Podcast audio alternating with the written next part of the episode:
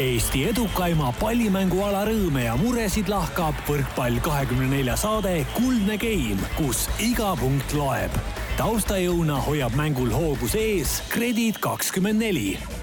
tere, head kuulajad, päikesepaistelise ilmasaatel hakkab täna, viieteistkümnendal märtsil küpsema Kodutänava stuudios meie saatesarja saja kolmekümne viies osa. või suhkru, muna ja nisujahu asemel on küpsetuslauale seatud mikrofonid, kõrvaklapid, salvestuspult ja arvutid, et valmiv toode ahjusoojana ka kõigi kuulajateni jõuaks. saate temperatuuri üritab täna hoida parajalt kõrgel Karin Aldo, samal ajal kui maitsva sisu eest hoolitsevad loodetavasti ka kaks võrkpalli kokakunsti erineval moel tundvat meest ehk Mihkel Uibaleht ja Rainer Vass. Vassiljev, tere teile, mehed. tere. tervitus. kui kõvad kokkajad te olete siis? alustuseks, Rainer, võib-olla sina. Poola kunsti, Poola kokakunsti äsja selgeks õppinud mees äh, kusjuures, kui aega on, siis täitsa meeldib ja loomulikult meeldib rohkem võib-olla siis suvises miljöös terrassi peal äh, toimetada, aga jaa, ei ole, ei ole probleeme, nälga ei jää, kui olen oma elus elanud ka nii mõnedki päevad äh, üksi välismaal, kus peab sellega kokku puutuma ja nagu ma ütlengi, et nälga pole jäänud. kuidas välismaal selle toidu tellimisega on, Eestis on meil nii, et üha rohkem inimesed ikkagi tellivad igal ajal toitu koju, sest äh, see muutub ka üha soodsamaks ma ei tea, kas sa nüüd oled kursis või oled sa mingit reklaami jälginud või mis iganes, aga tegelikult äh, sellel aastal oli meil äh, põhimõtteliselt meeskonnal niisugune teeni,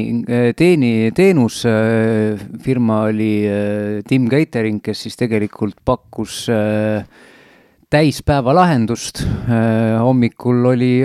pakikene ukse taga, kus oli siis ennem siis kokkuleppel tellitud ise, palju siis kaloraaži tahad, mitu toidukorda tahad, kõik oli välja arvestatud ja võtsid aga paki, panid ahju või panni peale või mikro, mikrolaineahju, tegid selle soojaks ja sõid ja põhimõtteliselt äh, oli selles mõttes niisugune komplektne lahendus ja ma ei tea, kas Eestis on niisugust asja toimimas või mitte, aga seal see oli ja päris paljud mängijad, ka mina mingitel hetkedel tarbisin seda ja oli küll mugav lahendus, jah. see oli siis klubi poolt nii-öelda tasuta? ei olnud, seal oli, meie jaoks oli niisugune soodsam hind, kui ta muidu letis oli ja selles mõttes jaa, ega see hinna-kvaliteedi suhe oli täitsa okei okay. ja nagu ma ütlesingi, et niimoodi lahendusena tipp-topp, seal olid omad miinused, kuna ma olen ka inimene, kes mõtleb prügi peale, siis lihtsalt kui kogu aeg kõik need asjad on plastiktopside sees, siis äh, siis see nagu jah, oli häiriv, et äh, oleks lihtsam, et kas või see, et hakkad seal kahte-kolme komplekti hoidma ja vahetama, siis äh, tuuakse värsked, sa-, saavad siis tühjad tagasi, et võiks nii toimida, aga nii kaugele nad polnud oma asjadega veel jõudnud. kuidas Eesti Jalgpalliliidus on, Mihkel, kui lõunaaeg köidab äh, kõht on tühi, kas jõuavad ka suured praed kuskilt äh, catering asutustest kohale ja, ja saavad kõik kõhud täidetud jalgpalliinimestel või, või pead sa ise hoolitsema oma toidukordade eest? ise ikka ise ja nälga ei ole veel jäänud aga kuidas Jalgpalliliidus, me vaatasime seda FC Flora klippi või ka siin saates seda vist eelmine kord või üle-eelmine kord puudutasime korra. Äh, seal on ikkagi väike kööginurk olemas, kus head-paremat pakutakse, kas Jalgpalliliidu töötajatel sellist nurka ei ole? Äh, kus pakutakse sellist nurka ei ole, kööginurk on ikka, aga noh, seal on võimalik äh, kaasa võetud asju soojaks teha ja, ja ma ei tea, kohvi, kes tahab juua ja midagi taolist, kohviaparaat on seal. mina ei ole kohvi joomist küll ära õppinud, erinevalt siin äh, Rainerist näiteks, aga. ja Rainer, ma ütlen, Rainer tuli täna meie sellesse suurde stuudiosse ja küsis, et üks espresso palun ütleme, Raineri ootus, et meie stuudio võimalustel olid meeletud. meie teadlikkusele, kohvi teadlikkusele olid, ütleme. Rainer, sa oled pettunud, ma olen saanud nagu Rene Teppan, kui ta siin proovis ka kohvi saada paar korda, aga siis sai aru, et lootusetu, siin on, siin on mingid energiajoogid on Karli menüüs, et ma ei, ma ei tea, miks, miks sa neid hommikuks siin tarvitad. kuidagi peab ju päeva üle elama, kui on. eks ma olen mõned kohvid äh, Rene Teppaniga koos oma elus joonud, et äh, küllap äh, me üht-teist oleme arutanud ja selles mõttes teame ka, mis on hea. selge. Mihkel, ma arvan, me kokakunstist täna väga palju pikemalt ei räägi, sest meil on nii palju muid põnevaid teemasid. esimene asi, kui te saite siin stuudios enne saate algust kokku, tuli välja, et peaaegu oleks Rainer olnud, Mihkel, sinu äh, treener, aga sa lõpetasid just enne seda, kui Rainer teie võistkonda tuli juhendama, oma võrkpalluritee ära ja mina isiklikult arvasin, et võib-olla sellepärast Rainer tuligi, et ta vaatas, et Uibo-Leht on läinud, nüüd on korralik punt. nüüd on nagu parem ei, see oli jah, lahe meenutus, et äh, tõesti kaks tuhat viis vist, kui Rainer ütles, et alustas äh, Tartus siis noorte treenerina, siis ma arvan, et ma just sel ajal äh, alustasin, kaks tuhat neli tegelikult alustasin Jalgpalliliidus töötamist ja siis see oli enam-vähem see periood, kui ma võrkpallitrenniga katki jätsin ja, ja kuidagi hakkasin ma tegin trenni küll edasi, aga, aga tegin vähem ja, ja siis ütleme ühe, ühe meestevõistkonnaga, et oma noortepundiga enam, enam kokku ei puutunud, et jah, nagu mingisugune, ma arvan, mingi pool aastat jäi või, või, või isegi vähem jäi võib-olla puudu sellest, et, et Rainer oleks mu treener olnud. kas Rainer, täna sa ütled nii, et oleks Mihkel olnud selles pundis sees, mida sa treenima hakkasid, oleks täna isegi Mihklist voolinud tippvõrkpalluri, kes oleks täna võib-olla poole kõrgliigas löönud nurgaründajana palle teravalt kolme meetrisse? Praegu me saame sellel teemal rääkida ainult oleksites. kui, kui mõtle, see oleks äkki toimunudki nii, siis mine sa tea, jah, ega kõik on võimalik elus. jaa, võib-olla Raineri selline nagu aura oleks aidanud, et äkki, äkki oleks nagu võrkpalli juurde pikemaks jäänud või nagu siin on eh, need traditsioonilised küsimused, mis siin, mis siin saateski on olnud, et et millal ja miks ja mis see jalgpall siin siia puutub. see tuleb, kusjuures iga nädal tuleb neid küsimusi meil kuulajatelt no,. Nad ei saa ikka aru, sa võid neile vastata küll, aga no ma tean vähemalt, jaa, ma ühte kuulajat vähemalt tean, kes, kes küsib minult iga nädal seda ka personaalselt, et aga aga ei, see on, see on, see oli niisugune hästi kihvt periood ja kihvt punt ja kui Rainer meenutas neid mängijaid, keda ta ka treenis, et siis eh, nendega sai ju seal, ma ei tea, kas D-klass oli ka toona vist, D ja C ja B-klassi võistlused ju kõik läbi käidud ümber Eesti, on see siis, ma ei tea, Põltsamaal või, või, või Rakveres või Pärnus või kus iganes Tallinnas äh, võisteldud. isegi E-klass on olemas. Äh, toona, toona vist E-klassi ei olnud, aga. oli küll, sest et mina no. olen kunagi mänginud E-klassis äh, tuhande üheksasaja üheksakümne kolmandal aastal, aastal käisime Power Cupi võistlusel mm. Soomel, Soomes, sest Mati Merirand alates üheksakümne kolmandast aastast hakkas seal käima ja mina siis jah, E-klassi mängijana tegelikult mul oli see esimene rahvusvaheline turniir ja tegelikult see esimene rahvusvaheline turniir õnnestus meil võita seal ka, nii et niisugused äh, ulmelised mälestused ja, aga nii ta oli, jah. ja need Power Cupis olen ka käinud, et need jäävad alati meelde, need äh, välismaale sõidud ja ma ei mäleta, mis aasta see oli, see võis olla mingi kaks tuhat üks, kui me käisime sel, sel turniiril ja noh, see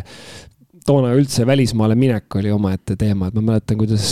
treener Alar Kaljuvee instrueeris meid, et kuidas passikontrollis öelda, et me läheme võrkpallivõistlustele pundiga, et meid väga kuidagi imelikult piirivalve ei vaataks, sest noh, toona oli ikkagi passi vaja tempel lüüa sadamas, et praegu minnakse ju rahulikult üle piiri, kedagi väga ei huvita, et et aga tol hetkel oli see kõik teistmoodi ja noh, seesama, et välismaal üldse saada äh, nagu noh, need väliväljakud seal, kus, kus mängiti, oli omaette niisugune uudsus ja vahepeal äh, tuul viis palli minema minema ja kõik on tore, aga lihtsalt juba see õhkkond, et sa oled mänginud mingi välismaa võistkondade vastu, et see tekitas siukse tunde juba, et vau, me oleme kuskil mingis väga tähtsas kohas, väga tähtsal võistlusel, väga kõrge tasemega, kuigi noh, ilmselt seal mingid maailmameistrid meile vastu just ei astunud, aga, aga ikkagi see, see õhkkond, siukse suur turniiri õhkkond, ma ei kujuta ette, palju seal neid osalejaid on, mingi paar tuhat vähemalt on neid ilmselt mängijaid. no seal on väljakuid on üle saja alati mm -hmm. ja et selles mõttes see on päris jah, sihuke äge, äge turniir ja ma arvan, et nii mõnigi võrkpallur on ka hiljem sealt läbi käinud, et aga jah, minu jaoks on ka see mälestus, et see oli üheksakümmend kolm aasta ja ei olnud nagu väga loogiline, aga meie läksime sinna bussiga läbi Venemaa, sest et äh, laevapilet oli nii kallis sel ajal ja see turniir toimus Savonlinnas, mis on ka kuskil seal ülevalpool, nii palju kui ma mäletan et eh, pole nagu päris niisugune suts üle eh, laevaga ja lähme siis sõidame tund aega bussiga, et päris hea matk oli seal ja jah, et mingid mälestused sellest on, et aga oli tore aeg Rainer, ähm, kuna sa oled täna meil saates, siis ma tuletaks meelde ühe huvitava fakti sinu kohta, ma tegin siin hiljuti ühe äh, võrkpalli teemas, teemalise mälumängu ja ma panin sinna sisse sellise küsimuse, et kui vana olid sina, kui sa said äh, meeste meistriliigas peatreeneriks, sa oled siis jätkuvalt ülekaalukalt äh, kõige noorem äh, peatreener, kes on Eesti võrkpalliliigas kunagi meestel olnud. Äh, sa olid kahekümne viie aastane, kui sa Tartus võistkonda ühendama hakkasid ja me enne saadet siin ka tegelikult juba rääkisime, Gert Toobal, Rait Rikberg, Romet Priimägi, sellised tuntud võrkpallurid muuhulgas olid siis mehed, keda sa hakkasid tol hetkel juhendama, kes olid sinust kõik tol hetkel ka vanemad, on siiani vanemad kuidas see võimalik on, näiteks kahekümne viie aastane noor mees hakkab juhendama peatreenerina võistkonda, kus on sellised äh, mängijad äh, kaasa olemas. õnnestus sul saada selle võistkonna peale nagu selline autoriteet ka? esiteks, oh jummel, see oli nii ammu. Äh, see minu peatreeneriks saamine toimus tegelikult hooaja sees, õigemini hooaja suht lõpufaasis. kui ma õigesti mäletan, siis see oli pärast Balti liiga Final Fouri, kus siis oli tolleaegsed äh, klubijuhid Alar Jõesaar, kes endiselt toimetab, ja siis oli ta mestis Raivo Simsoniga, kes siis põhimõtteliselt kutsusid mind siis ko-,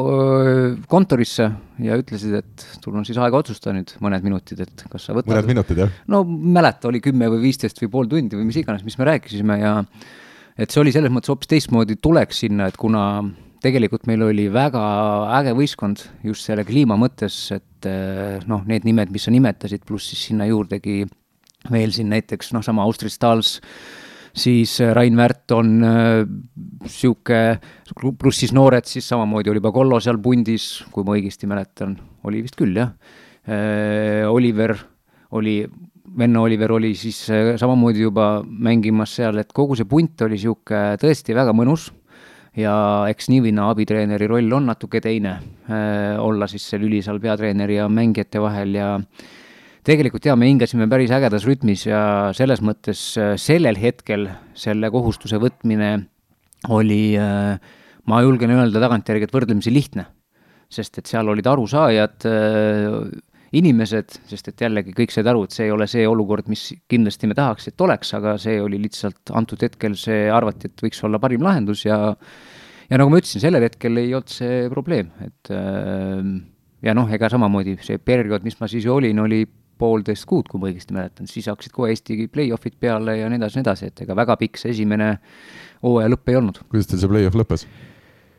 kui ma õigesti mäletan, siis me tulime Eestis hõbedale sellel sellel aastal, sest et äh, Selver siis võitis, meie mängisime Selveriga finaali ja vist, vist nii oli. aga nüüd veel viimane asi siia sissejuhatusse, veel üks asi tuli välja, et põhimõtteliselt istuvad siin täna kolm ajakirjanikku kes küll rohkem, kes vähem seda teinud, kes paremini, halvemini, aga see subjektiivsus jääb ju alati sisse, aga, aga Rainer, tuli välja, et sa oled raadiosaadet elus teinud. räägi lähemalt, ma tean, sa väga ei tahtnud sellest ise rääkida, aga me ei saa sihukest asja mitte mainida. Uh, jah, olen, aga ma mitte, et ma väga ei tahtnud, ma väga ei mäleta tegelikult, sest et ma olin nii, ma olin nii noor, et ma arvan, et see oli sihuke vanus äh, üheksa kuni kaksteist, võib-olla kaheksa, kaksteist, midagi sellises vahes. sa oled ikka elus kõike väga vara hakanud tegema ent taust oli see, et mul oli siis, äh, mis ta siis oli, klassivend jah pidi olema see juba, siis ma juba käisin koolis, jah oli klassivend ma loodan, et sa käisid selle kelle isa oli äh, kohaliku raadio, üks siis raadio häältest ja otsustati või ma ei tea, kust see mõte tuli, et teha mingi lastesaade kohalikus, ma, äkki oli selle asja nimi Viru R raadio sellel ajal. ja siis äh, pandi siis, seal oligi minu sõber, kelle isa siis töötas raadios, üks sõber veel ja mina ja kui ma õigesti mäletan, siis mu vend oli ka vist seal saates. ja siis me käisime, tegime mingeid siukseid lastesaateid, et ega. millest te rääkisite seal? vot, vot seda ma ei mäleta. päevapoliitikast mingi...? kindlasti mitte, me, ma ei tea, lugesime seal mingeid lasteraamatuid või mida iganes, et äh, ma ei tea, huvitav oleks tegelikult kuskilt mingit arhiivist välja kaevata, kas sealt midagi jäädvustatud ka, et tõesti see, kui ma siia selle mikrofoni taha istusin, siis korraks tuli sihuke kild meelde oma elust, jah kas sul on ka nüüd öelda, ütleme kõige kogenuma raadiotegijana meie siit pundist, vähemalt kui me vaatame, kaua aega tagasi sina alustasid, on ka öelda selliseid õpetussõnu, võib-olla me Mihkliga, me oleme väga avatud sellisele kriitikale, et kui sa tunned, et sa, sa oled ju ka saateid meil ikkagi kuulanud mingil määral, et noh, kuskilt me paneme ikkagi iga saade mööda, sa võid julgelt seda öelda, ma arvan, et me üritame parandada ennast nüüd on pikk pange edasi, aga mina kuulun ka sellesse valdkonda, kes seda algust nagu edasi kerib, et ah,, et lähme, lähme edasi. see, mis praegu käib, seda sa kerid. ja ei, mina ka nagu hääletaks selle poolt, et seda alguse loba ei oleks, aga noh, ma saan aru, et Karl mõtleb ka nendele kuulajatele, kes. kes ainult alguse pärast kuulavad. kes ainult alguse pärast kuulavadki, et tal ilmselt neid tutvusringkonnas on nii mõnedki, vaata, et noh, et kuna äh, Karl nagu mõtleb siis nagu mitte võrkpallisõpradele, äh, vaid, vaid meelelahutussõpradele, et võrkpall on ka meelelahutus. aga head sõbrad, võtame siis selle äh, sissejuhatuse kokku ja, ja läheme selle osa juurde, mida enamus või enamik teist tahavad kuulata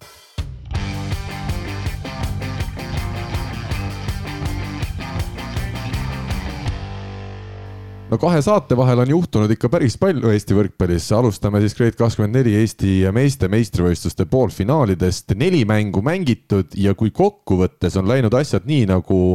ütleme, ennustada võis, ehk siis Tartu Bigbank juhtimas seeriat Tallinna Selveri vastu kaks-null ja TalTech samade numbritega Pärnu vastu, siis tegelikult on nendes seeriates olnud põnevust küll. Mihkel, palju sina oled nüüd jõudnud neid seeriaid vaadata ja kui me võtame alustuseks siin TalTechi kaks esimest mängu Pärnu vastu, siis milliseid muljeid, mõtteid on need kohtumised tekitanud? ja kuigi sa ütlesid, et siin äh, mängud on läinud nii, nagu ennustati, siis ma tuletan meelde siin, kas oli eelmises saates, kui meil oli Hendrik Rikand külas, siis tema ennustas küll, et Pärnu võtab siit, äh, võtab siit võidud ja läheb, äh, läheb poolfinaalist edasi. Tartu osas ta oli muidugi meiega siin ühisel arvamusel, nii et. ta ei teadnudki, et pronksimängud ka sel ajal. ta ei teadnud pronksimängudest midagi. ma olen vaadanud küll suur osa mängudest, Tartu mängud mõlemad algusest lõpuni ja teisi natukene episoodilisemalt, aga. oota, ma ütlen ära, et Rikand selles suhtes oli ikkagi lähedal oma ennustusele. ta oli lähedal küll, jah. ei, ma ütlen seda, et, et tema ennustas, et Pärnu saab rohkem mänguvõite, kui Selver saab game'i võite ja Pärnu oli ikkagi, Pärnu oli ju mänguvõidule päris lähedal avamängus. oli ja ei, selles mõttes, ega me ju ka siin saates eelmine kord rääkisime seda, et ega see eh, TalTech Eh, noh, mina pakkusin, et, et Pärnu võib siit eh, näiteks mängu, mängu võita, aga, aga et seeria ikkagi võidab TalTech, aga selles osas ma arvan, me oleme kõik ühel nõul, et, et see ei tule selline noh, ülesõit nagu siin, ehm, siin need omavahelised mängud on olnud mõned, et ma ei mõtle seda, kus, kus Pärnu võitis omakorda, kus TalTech eh, lasi põhimeestel siis jõusaalipäeva teha tol, tol hetkel või üldse puhata, et noh, Pärnu ikkagi on nagu jällegi, nagu oleme rääkinud, on tehtud nii-öelda nende, nende vahenditega, mis neil on, on siis play-off ideks saadud noh, normaalne või väga noh, korralikul tasemel võistkond, keda ei saa alahinnata. lihtsalt vahe on selles, et TalTechil on neid käike rohkem, hoolimata ka sellest, et TalTechil on ka olnud vigastusi, siin haigusi, erinevad mängijate vorm on, on, on kõikunud, aga neil on ikkagi käike rohkem, kasvõi noh, sidemängija näol on, on reaalne käik, sul on, sul on kaks väga heal tasemel mängijat. ja, ja ka mujal on, kui asi nagu siin lappama läheb mõnes mängus, siis on võimalik vahetada, ma arvan, et see, see esimene mäng oli selles mõttes hästi oluline, et kui see oleks läinud vastupidi ja see ei olnud väga kaugel, et see vastupidi oleks läinud, sest, äh, sest noh, viimane game viisteist, kolmteist ja kõik need eelmised neli game'i pigem üks-ühele, teine teisele, aga, aga ütleme, et see ei olnud üldse kaugel, et ma arvan, et siis oleks, siis oleks võib-olla jah, Pärnu Pärnu kodumäng ees ja, ja ka noh, kodumängus nad ka esimese game'i ju tegelikult võitsid ja, ja siis alles, siis alles nagu äh, andsid järgi, et see esimese, esimese mängu lõpu kaotus oli, äh, oli nagu ma arvan, otsustav selles seerias, et äh, jällegi äh, ülehomme on veel, äh, veel, veel ju kolmas mäng ees ja, ja see ei pruugi viimaseks jääda, aga, aga noh, pigem arvaks, et, äh, et ikka et ikka nüüd on nagu TalTechil noh, mitte et vormistamise küsimus, aga et, et Pärnu, Pärnu, väga raske on näha, kuidas Pärnu siis tagasi tuleb, et see esimene mäng oleks pidanud olema nagu see, see mäng, kus vastast äh, šokeerida. ma tulen siit Raineri kui treeneri juurde, võtan esimese mängu ette ja üks huvitavamaid selliseid numbrilisi äh, asju on see, et Mati Schmidl, TalTechi liider, kolmkümmend kolm punkti pluss kakskümmend üks äh, efektiivsusnäitaja, rünnakuprotsent viiskümmend üheksa kõik tundub meeletult hea, aga siis vaatad, ta lõi kaheksa korda Pärnu meeskonna plokki ja me rääkisime sellest enne seeriat, me oleme sellest rääkinud üldse pikalt, et Matei Schmidelit tuleb vastastel üritada ikkagi plokiga kinni saada, vastasel juhul on äh, TalTechi vastu raske saada. kas selliseid numbreid arvesse võttes, nagu Matei Schmidel kokkuvõttes mängus näitas, on ka see kaheksal korral vastaste plokki löömine täiesti arusaadav, mõistetav ja selle osas ei saa olla kriitiline või sina treenerina vaataksid seda kuidagi teistmoodi? no see tegelikult äh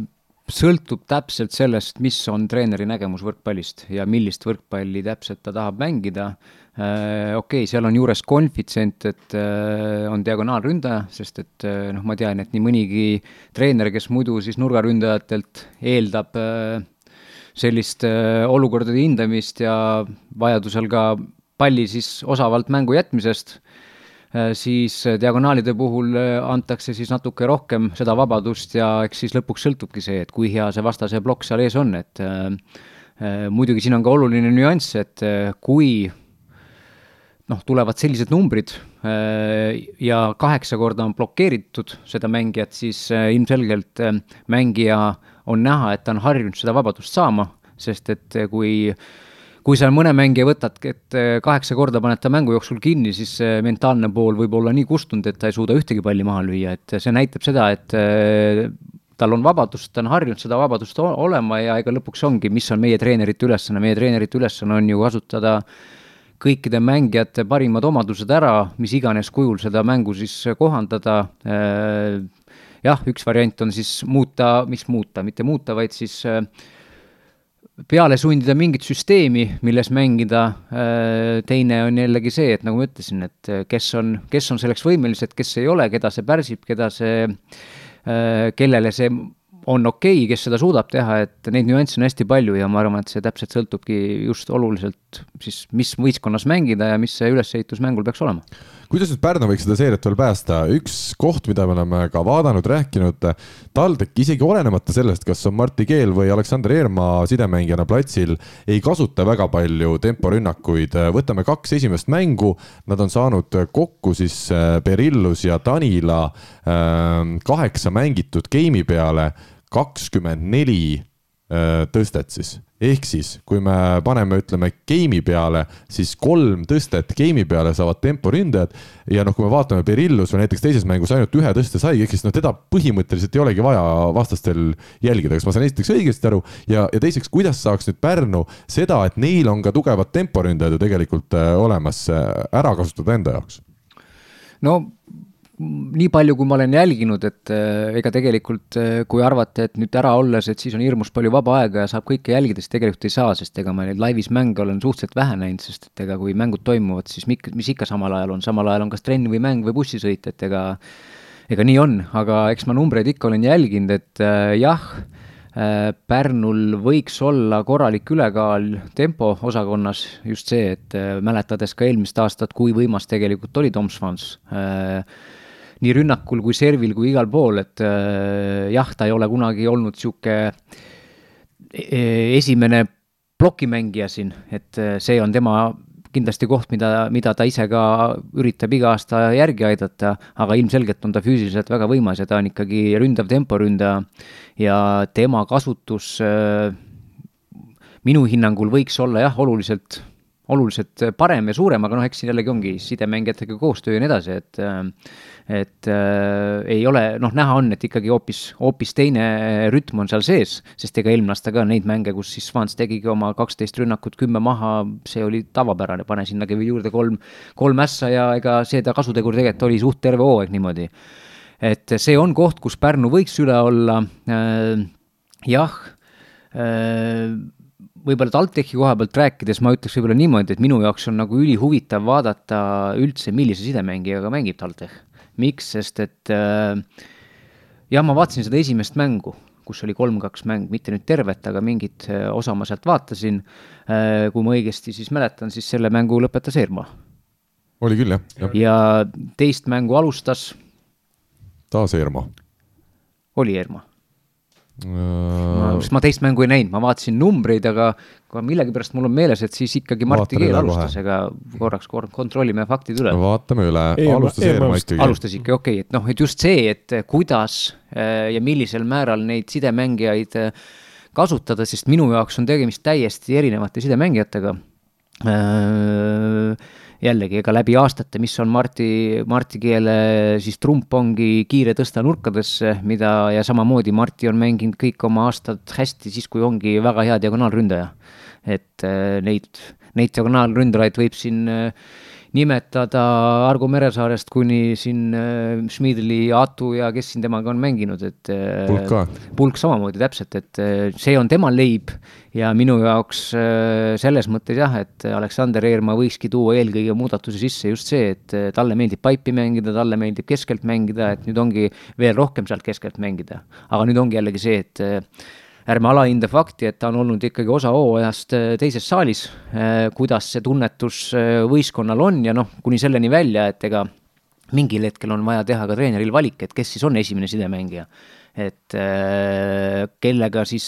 minna olulistele mängudele vastu ja kes siis on see mängija, kes hakkab pingilt tulema, aitama käekirja muutma ja nii edasi, et selle koha pealt on neil jah, hea trump käes, et nad on täiesti erinevad sidemängijad no Schmidel on olnud selge liider TalTechil ka selles poolfinaalseerias, no selles ilmselt keegi ei kahelnud. Äh, nüüd, kui veel mõelda seda, kuidas saaks äh, Pärnu tagasi tulla sellesse seeriasse, siis võtsin ette siin TalTechi nurgaründajad Saar ja Tamme. esimeses mängus neljakümne seitsmest tõstest said need kaks meest kaheksateist maha ja teises mängus neljakümne kahest tõstest seitseteist maha, ehk siis see protsent on kõvasti alla viiekümne, pigem see protsent on seal neljakümne juures ja isegi alla selle. kuidas, kuidas ikkagi kasutada veel rohkem ära seda, et, et et Saar ja Tamme ei ole olnud, ütleme, rünnakul kõige teravamad siin nendes kahes poolfinaalmängus? no ega siit lõpuks tulebki, äh, hakkame vaatama, mis on plokikaitse teisel pool, äh, kui palju tuleb pidurdusi, kui palju on pidurdusi pluss neid puuteid kaitses, mis siis võimaldavad ka korralikku kontrarünnaku mängida. sest üks asi on lihtsalt pidurdada, aga teine asi on see, et mis sealt edasi tuleb. ja ma arvan, et see on nagu koht, mis äh, mis sellistest numbritest siin meile käesolevate statistikanumbritega pole kättesaadav, aga just minu jaoks oleks ülioluline, tahaks teada, mis on täpselt need kontrarünnakute realiseerimise protsent äh, Pärnu poole peal, et äkki see on see koht, kus, äh, kus on mingi, mingi konks ja iva, iva mängus, et et ma arvan, et see on ülioluline Pärnu no. puhul üks asi veel on see, et äh, nagu me oleme rääkinud, TalTechil on rohkem sügavust võistkonnas, vahetusmehi on rohkem võtta, kes on kvaliteediga. Äh, kas nüüd Pärnu jaoks võib saada saatuslikuks ka juba see, et need lihtsalt need kõik põhimehed, äh, kes ongi selgelt üle varumeestest, et nad ei kesta enam või arvestades seda, et teine mäng oli laupäeval ja kolmas mäng seeras tuleb alles neljapäeval, siis ei saaks nagu vägi,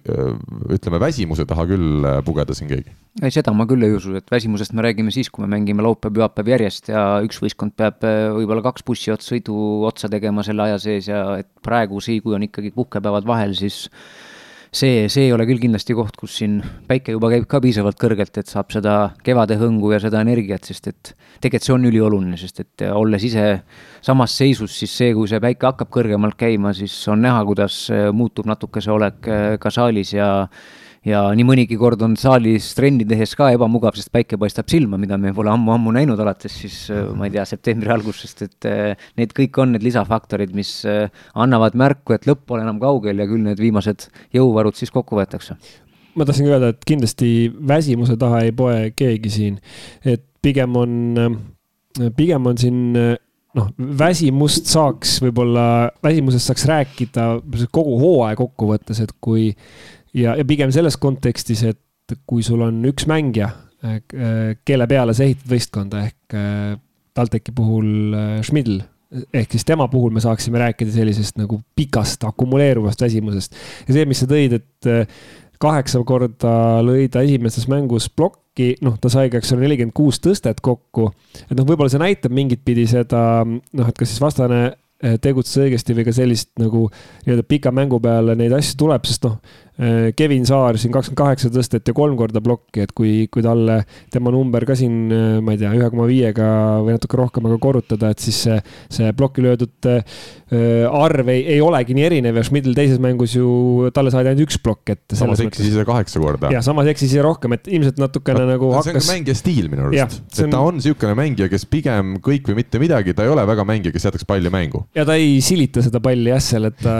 ta nagu lööb seda ja see on noh ma olen ka imestanud tegelikult kogu hooaja jooksul, et äh, kas ta nagu ära ei väsi, selles mõttes, et noh, see TalTechi praegu võib-olla isegi nagu nendes kahes mängus äh, noh, ja numbriliselt tal on tõsteid nagu rohkem, äh, noh, ikkagi selgelt nagu nelja, neljakümne tõste mängus, et, et aga, aga ma ütleks, et isegi tema noh, ütleme, et mingitel põhiturniiri hetkedel oli see isegi tema roll tundus nagu veel suveräänsem olevat kui, kui nüüd, et, et isegi nüüd kujutaks nagu ette isegi, et kui nüüd eh, noh, et kui Schmidel saaks, ma ei tea, kümme tõstet vähem või kaks või viisteist tõstet vähem, et siis kujutaks ette enam-vähem, et, see võiks teiste vahel ka nagu ära jaguneda. aga mingil hetkel eh, põhiturniiri lõpus noh, ainult tõstetigi talle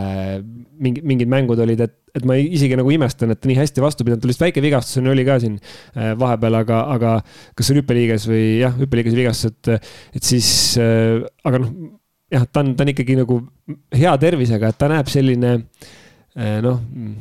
ja noh, kogu see olemus ka tal, et ta ei ole sihuke võib-olla klassikaline sihuke võrkpallur, paipoiss, kes on nagu vaatab teisel pool võrku olevat vastast niimoodi austusega, laseb rahulikult olla, et ta ikkagi nagu. see pilk on nagu päris selline jõhker võib vahepeal olla, et, et selles mõttes ta nagu noh kui tema sealt ära võtta, on ju, et, et siis, siis see, see muudaks midagi või kui tema selline enesekindlus ja see väsimus lõpuks nagu talle kohale jõuaks, et võib-olla tema ootab kõige rohkem seda hooaja lõppu. Aga mida ma kindlasti tahaks positiivse poole pealt välja tuua, on kaks ukrainlast, me teame, mis seis on täna Ukrainas, me teame, kui väheoluline on selle kõige kõrval kogu muu äh, maailmas toimuv ehk äh, muuhulgas võrkpallimäng. aga Boriss Šukov nurgaründajana esimeses mängus ikkagi superhead, eesmängus ka korralik, samamoodi Bogdan Masenkot tuleb kinda temporündajat, tuleb kiita temporündajat, esimeses mängus mõlemad mehed said kuus plokipunkti, ehk siis see ütleme, õhutõrje ikkagi ukrainlastel on tõesti võimas igal tandril seda, seda tuleb tunnistada ja seda on olnud lahe vaadata, et hoolimata sellest, mis kodumaal toimub ja hoolimata sellest segadusest, mis, mis kindlasti ka nende meeste peredes toimub, on nemad just kaks ukrainlast äh, mänginud väga hästi välja. siin Masenko kohal küll võib öelda, et teine mäng näiteks efektiivsusnäitaja oli miinuses, aga noh, teades seda, et ei ole Pärnul kumbki sidemängija väga kvaliteetne, siis temporündajal ma usun, ongi väga raske hetkel äh, ütleme alati stabiilselt olla pluss viie või pluss kaheksa peal. Minu arust jah, see Ukraina sõjateema tuli, eks ole, vahetult enne Balti liiga otsustavaid mänge ja, ja seal oli, see oli viimast hetk, kus seda teadmatust ja segadust oli, oli palju rohkem, sest olid sõja esimesed päevad ja, ja noh, võib-olla nende, ma ei tea küll nende mängijate perede kohta ja sugulaste kohta, et mis seisus nad on, et kas nad on sihukeses ohutsoonis või nad on juba evakueerunud, et, et see võib ka nagu natukene positiivselt mõjuda, et, et sul võib tekkida nii-öelda mingi selginemine näiteks kasvõi suhtluses perega. aga teine küsimus hoopis oli see, et kas oli enne teist mängu vahetult, äh, kui tuli uudis ju Aavo Keele tuleviku kohta. Ja see minu meelest, äh, ma ise mõtlesin just enne mängu, et, et kas ja kui palju see tuli teadlikult välja. Kui palju see tuli juhuslikult välja, sest ma saan aru, et Võrkpalli kakskümmend neli selle kohta kirjutas ühe Soome äh, ajalehe refereerides ühele Soome, Soome ajalehte. mille oli kirjutanud Heiki Kiiskinen, meie saate tuline kuulaja. me tervitame Heikit siin äh, hea loo eest ja, ja selle eest, et meil on ikka sellised kuulajad ka rahvusvahelisel tandril. see on küll kiva kaveri, peaks ütlema selle peale. ta aga... räägib eesti keelt ülipuhtalt, nii et ma tean, temaga soome keeles ei ole vaja sõnagi isegi rääkida, talle meeldib eesti keeles. aga, aga, aga ühesõnaga, et, et kas see oli nagu noh, et see ei tundunud kuidagi planeeritud tegevus selles mõttes, et noh, Rainer oskab treeneri seisukohast öelda või võistkonna sees oleva korduvalt sihukestes olukordades ilmselt olnud, kus, kus, kus kellegi saatus hakkab muutuma ja siis, et kuidas võistkonnani see jõuab, et kui see jõuab enne teist otsustavat mängu poolfinaalseerias. et, et kas see nagu muudab võistkonna häälestust või mitte, sest kas ma sain valesti aru või mitte, mulle tundus, et, et võistkonnale räägiti sellest nagu pärast seda, kui see ajakirjanduses mm. ilmus, mis tegelikult noh, võistkonna liikmete moraalile võib mõjuda ka, ka kehvasti, et noh, nüüd on küsimus, et okei okay,, et kui sellest asjast nagu ära räägitakse, siis davai, et võtame kokku, mängime selle hooaja lõpuni. aga teiselt poolt on see, et okei okay,, et nagu mingi värk toimub selliselt, et me ei tea seda, see võib ka osadele mängijatele tekitada. mina ei näe siin üldse draamat, ma pean tunnistama, sest äh, Pärnu põhitegijatest, seitsmest põhitegijast viis on legionärid, kes ülisuure tõenäosusega järgmine hooaeg siin ei jätka, noh, Schwanz ei tea, võib-olla Schwanz jätkab. Äh, Eestis on see siis Pärnu või mõni teine klubi äh, ja kaks eestlast, kes mängivad, Silver Maar, no me kõik tõesti hoiame käsi koos ja palvetame, et nüüd lõpuks ta pääseks välismaale mängima, selgelt tase sinna lubaks minna ja Markus Uuskari siis see üks ja ainus võib-olla mängija, kelle puhul noh, järgmisel aastal Pärnus jätkamist ei saaks ka kuidagi kuidagi mm, pidada, ütleme, üllatuseks. aga Rainer, kuidas, kuidas sina seda näed, mina arvan jah, et see järgmine hooaeg ja selle, sellesse puutuv ei, ei mõjutanud praegu seda võistkonda. no esiteks on see, et äh,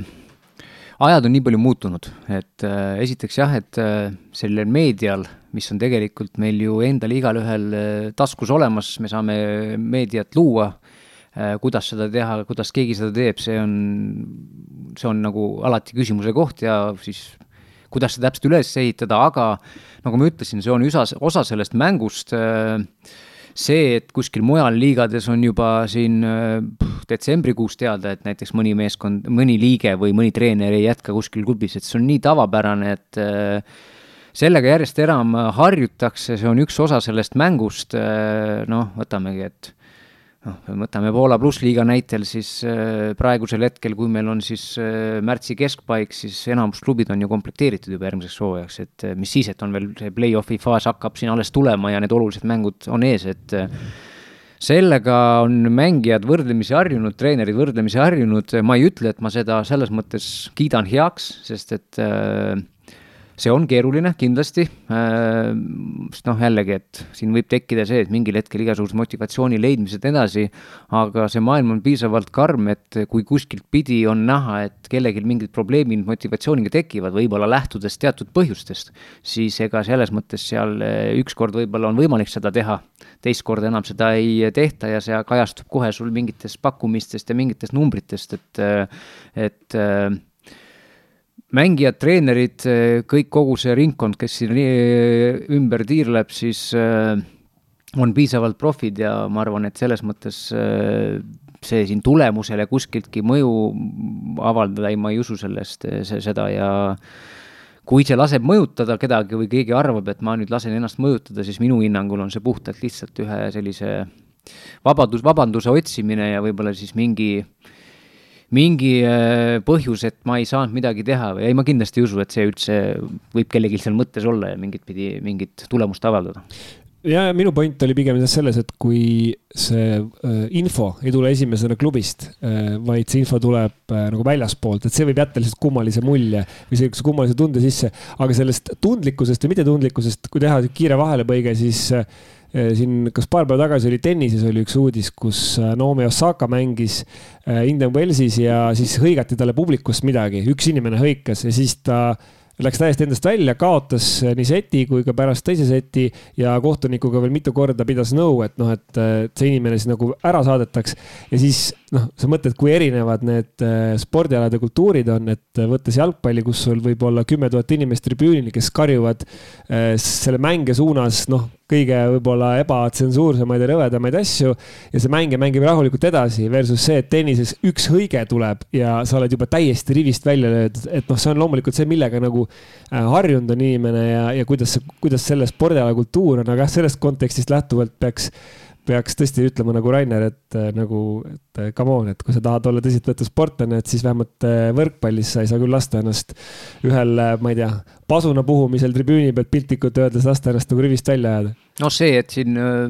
keegi mängija läheb servima ja sealt tagant tuleb mingi mida iganes väljendeid, et see on nii tavapärane asi ja ja noh, muidugi tennisega ei saagi seda võrrelda, sest see kogu see mänguetikett seal ümber ja, ja see on nii, nii teistmoodi, et ja ega noh, eks me lõpuks kõik kohaneme vastavalt öö, oma ümber toimuvaga ja tennis ei, tennisemängija ei pea sellega kohanema, et see, et pallimängijad on natuke teistsuguse karastusega, see on ka loogiline aga räägime nüüd sellest Aavo Keele siis, siis uuest väljakutsest, ma usun, et see on viimase nädala juures võib-olla isegi kõige huvitavam äh, võrkpalli uudis meil olnud. Aavo hakkab siis juhendama uuel hooajal Ravoniemi, äh, vabandust, Rovaniemi naiskonda loomulikult äh, Soome kõrgliigas, kes siis hetkel tänavusel hooajal kaheteist naiskonna konkurentsis kümnendal kohal, kaheksa võidu, kahekümne kolme kaotusega. ja kui võib-olla tavainimene mõtleb, et mis siis ära ei ole, et läheb Soome, et nädalavahetusel käib Eestis ja, ja on kõik tore ja mõnus, siis Rovaniemi on teatavasti see kõige kaugem koht, kus üldse võrkpalli kõrgliigas mängitakse. just äh, kaheksasada kilomeetrit äh, Helsingist umbes täpselt. ehk siis Tallinnast tuhat ükssada ja ma teen lihtsalt võrdluse, et kui Varssavi, Poola, mis meile tundub päris kauge koht, on üheksasaja kilomeetri kaugusel. Äh, Rainer oskab öelda, palju Wroclawisse on Tallinnast, see vist natukene rohkem või? tuhat kolmsada äkki oli. ja umbes nii, jah. noh, et põhimõtteliselt sarnased kaugused. Siis... Rovaniemis ma olen käinud selles mõttes äh, rongiga ja Helsingist läinud ja pärast autoga tagasi sõitnud, et see, see on tõesti üks pikk tee, et see, see on väga lahe koht muidugi, Rovaniemi soovitan ja ma saan aru, et Aavo Keel on seal ise ju mängijana varem olnud. pikki aastaid olnud, tema jaoks ei olnud see mingi, mingi üllatus, et saab jõuluvana, äh, jõuluvana maale taaskord ja nautida nii polaarpäeva kui polaarööd. aga see oli väga ootamatu uudis ausalt öeldes, et, äh, et äh, ma ei tea, ühelt poolt on mul küll väga hea meel, et, et, et ta, et ta sinna läheb, sest Eesti treener välismaal on omaette väärtus. ja see loob meil Eestis ühe koha juurde ühele peatreenerile. see loob meil Eestis ühe koha peatreenerile juurde, samal ajal on see ka noh, ütleme noh, okei okay,, Aavo on juba staažikas treener, aga mingis mõttes see loob ikkagi ka naiste võrkpallile ühe, ühe treeneri juurde, ma ütleks ka Eesti naiste võrkpallile, eeldusel, et Aavol on endal motivatsiooni, et, et seda teha, et noh, lõpuks sa võid mõlemas olla treener nii naiste kui meeste võrkpallis, aga nüüd, kui, kui ta saab siis Soome kõrgel tasemel selle kogemuse, et siis Eestis tagasi tulles, miks mitte, võib-olla ta ta vaatabki näiteks naiste võrkpalli poole ja meil on siin nüüd päris mitu sihukest noort treenerit naiste võrkpallis Eestis, kes on motiveeritud, Esna ja Rikand, kes, kes, kes tegutsevad ja neid on seal veel. aga, aga miks mitte, et Aavo, noh, selge, et Aavo ütleme, kui nüüd midagi maailmas drastiliselt ei muutu, siis Aavo Keele aeg nagu Eesti meestekoondise juures sai läbi, tal oli väga edukas periood ja, aga noh, on selge, et äh, võrkpalliliit ei vaata tema poole kui, kui potentsiaalse uue näiteks äh, meestekoolise treeneri äh, poole ja, ja noh, miks mitte proovida nagu võib-olla teise nurga alt siis siis, siis ka mingi saavutused, võib-olla see on tema jaoks ka sihuke proovikivi, et kas ma suudan ikkagi noh, natuke teise nurga alt ennast, ennast tõestada võrkpallis no viiekümne üheksa aastane Keel siis äh, siirdus tegelikult Pärnusse ju kahe tuhande neljateistkümnendal aastal ehk siis kaheksas hooaeg temal hetkel Pärnus ja kui ta tuli, võttis Selverist mitu põhimeest kaasa ja, ja ikkagi esimesed hooajad olid väga edukad ka, aga praegu ma, ma olen sellepärast Mihkliga täielikult nõus, et, et see oli nagu üllatav, aga samas ka meeldiv uudis äh, just mitme erineva nurga alt, et tundus, et natukene Pärnus on hakanud see vesi seisma jääma, et ma ka ei tea tänavusel hooajal, kui nad peaksidki pronksmedali näiteks võitma siin Eesti meistrivõistlustel, palju see annaks Aavole sellist äh, suurt rõõmu tekitaks või, või uut energiat, et eh, samas, kui seal oleks võib-olla järgmisel hooajal, oletame, samasuguse võistkonnaga pronksmedalit võitmas mõni noorem treener, kes on alles oma treeneritöö alguses, siis tema võib-olla oskaks rohkem seda hinnata, nautida ja nii ka kõrvalt meil jääks sellest võib-olla medalist siis selline suurem mulje, et, eh, et Aavo igal juhul see käik on ka julge, huvitav, nii, nii nagu ta ütles, talle meeldib jahil käia ja, ja talle meeldib elus uusi väljakutseid vastu võtta. igal juhul tervitame seda, seda käiku ja, ja soovime talle Rovaniemi naiskonnas edu, tundub tõesti, et väga professionaalse võistkonnaga on tegu, aga nüüd küsimus ikkagi selle Pärnu võistkonna kohta. ja ma tahtsin just ka öelda, et, et noh, Aavo osas on väga hea meel ja see tundub tundub põnev ja, ja mitu aastat ta nüüd Pärnus oli treener? kaheksa. kaheksa, et see noh, on ka vajalik käiguvahetus mingit no, pidi. täpselt sama on Janis Sirelpuuga, mina mm -hmm. selle olen ikka öelnud, et, et Janis on ka olnud nii pikka aega juba Eestis ühe klubi juures mm, -hmm. et ma arvan, et kui Janis oleks näiteks paar aastat eemal kuskil noortega, teeks mingisugust teist võrkpalliga seotud projekti ja tuleks tagasi, ta oleks ise värskem, uute mõtetega, uue energiaga. et eh, see, kui me ütleme, et täna on hea käik, kui Aavo läheb Pärnust kuskile mujale või läheks Janis kuskile mujale, see ei tähenda seda, et me ei arva, et nad tulevikus ei võiks olla edukad treenerid enam kuskil. nõus, pigem ongi nüüd jah küsimus, hoopis huvitavam küsimus, et mis selle Pärnuga saab, et eh, me oleme siin saates ka paar korda lahanud seda, et see Pärnu võrkpall nii numbriliselt, me oleme vaadanud seda harrastajate arvu kui ka siis eh, võistkondade arvu, kes on kõrgemal tasemel mänginud, et see on noh, see on teinud nagu pluss oma mängijad, eks ole, et sa rääkisid, et palju neid välismaalasi seal äh, oli, viis äh, seal võistkonnas praegu, et, et noh, pluss, pluss veel mingid mängijad, kes ära lähevad, tegelikult me räägime ikkagi täiesti uue võistkonna komplekteerimisest järgmiseks mida aastaks. imelikum oli kuulata nii Reio Tilga, võistkonna mänedžeri, kui ka Aavo enda juttu, et mitte midagi klubis ei muutu. minu arust klubis on... muutub äh,, Aavo Keel on rohkem ühe võistkonna nägu kui keegi teine täna Eesti võrkpallis. nagu noh, ma saan aru, mis sellega nagu mingis mõttes öelda, öelda tahetakse, et tahetakse öelda seda, et. et kui on stabiilne. ja, et elu läheb edasi, et midagi mm -hmm. ei juhtu, et ega nagu nüüd vanker seisma ei jää selle pärast, aga aga seda ei pea üldse alahindama, võib julgelt öelda, et meil on kaheksa aastat, kaheksa aastat olnud peatreener ja tema lahk-, nagu sa ütlesid, ta on ikkagi noh, minu meelest nagu Aavo Keel ei ole ainult peatreener, ta on mm, nagu, ta, ta on nagu mänedžer, ta on niisugune maskott heas mõttes. ta tõesti ta on, otsibki klubile ka raha, eks ole, tänu oma kontaktid, tänu sellele, et teda tuntakse ja mis ma ütlen, miks ma kindlasti, miks mul on halb meel, et Aavo läheb ära, on see, et kui keegi oskab äh, meedias teha huvitavaks spordiala ja mänge, siis see on Aavo Keel oma selliste juttude otsekohesusega. mina ütlen, selles suhtes on ta suurepärane inimene Eesti võrkpalli jaoks olnud nii nendel aegadel, kui meeskond on võitnud, kui ka nendel aegadel, mil meeskond kaotab. alati on tema intervjuusid huvitav lugeda ja, ja, ja vaadata. ja, ja tema raamatut oli ka väga huvitav lugeda, siin üks, üks päev ma nägin, sul oli siin kuskil kapi ääre peal. oli, võtsin jälle välja, sest hakkab vaikselt ära ununema, mis Aa. seal kirjas oli. mina lugesin, siis kui ta välja tuli, lugesin läbi ja siiamaani on meeles aga et selline mees on meil. aga, aga ei, lihtsalt, et Pärnu juurde tagasi tulles, et, et jah, mis, mis see järgmine käik on, et kindlasti neil on ju, on neil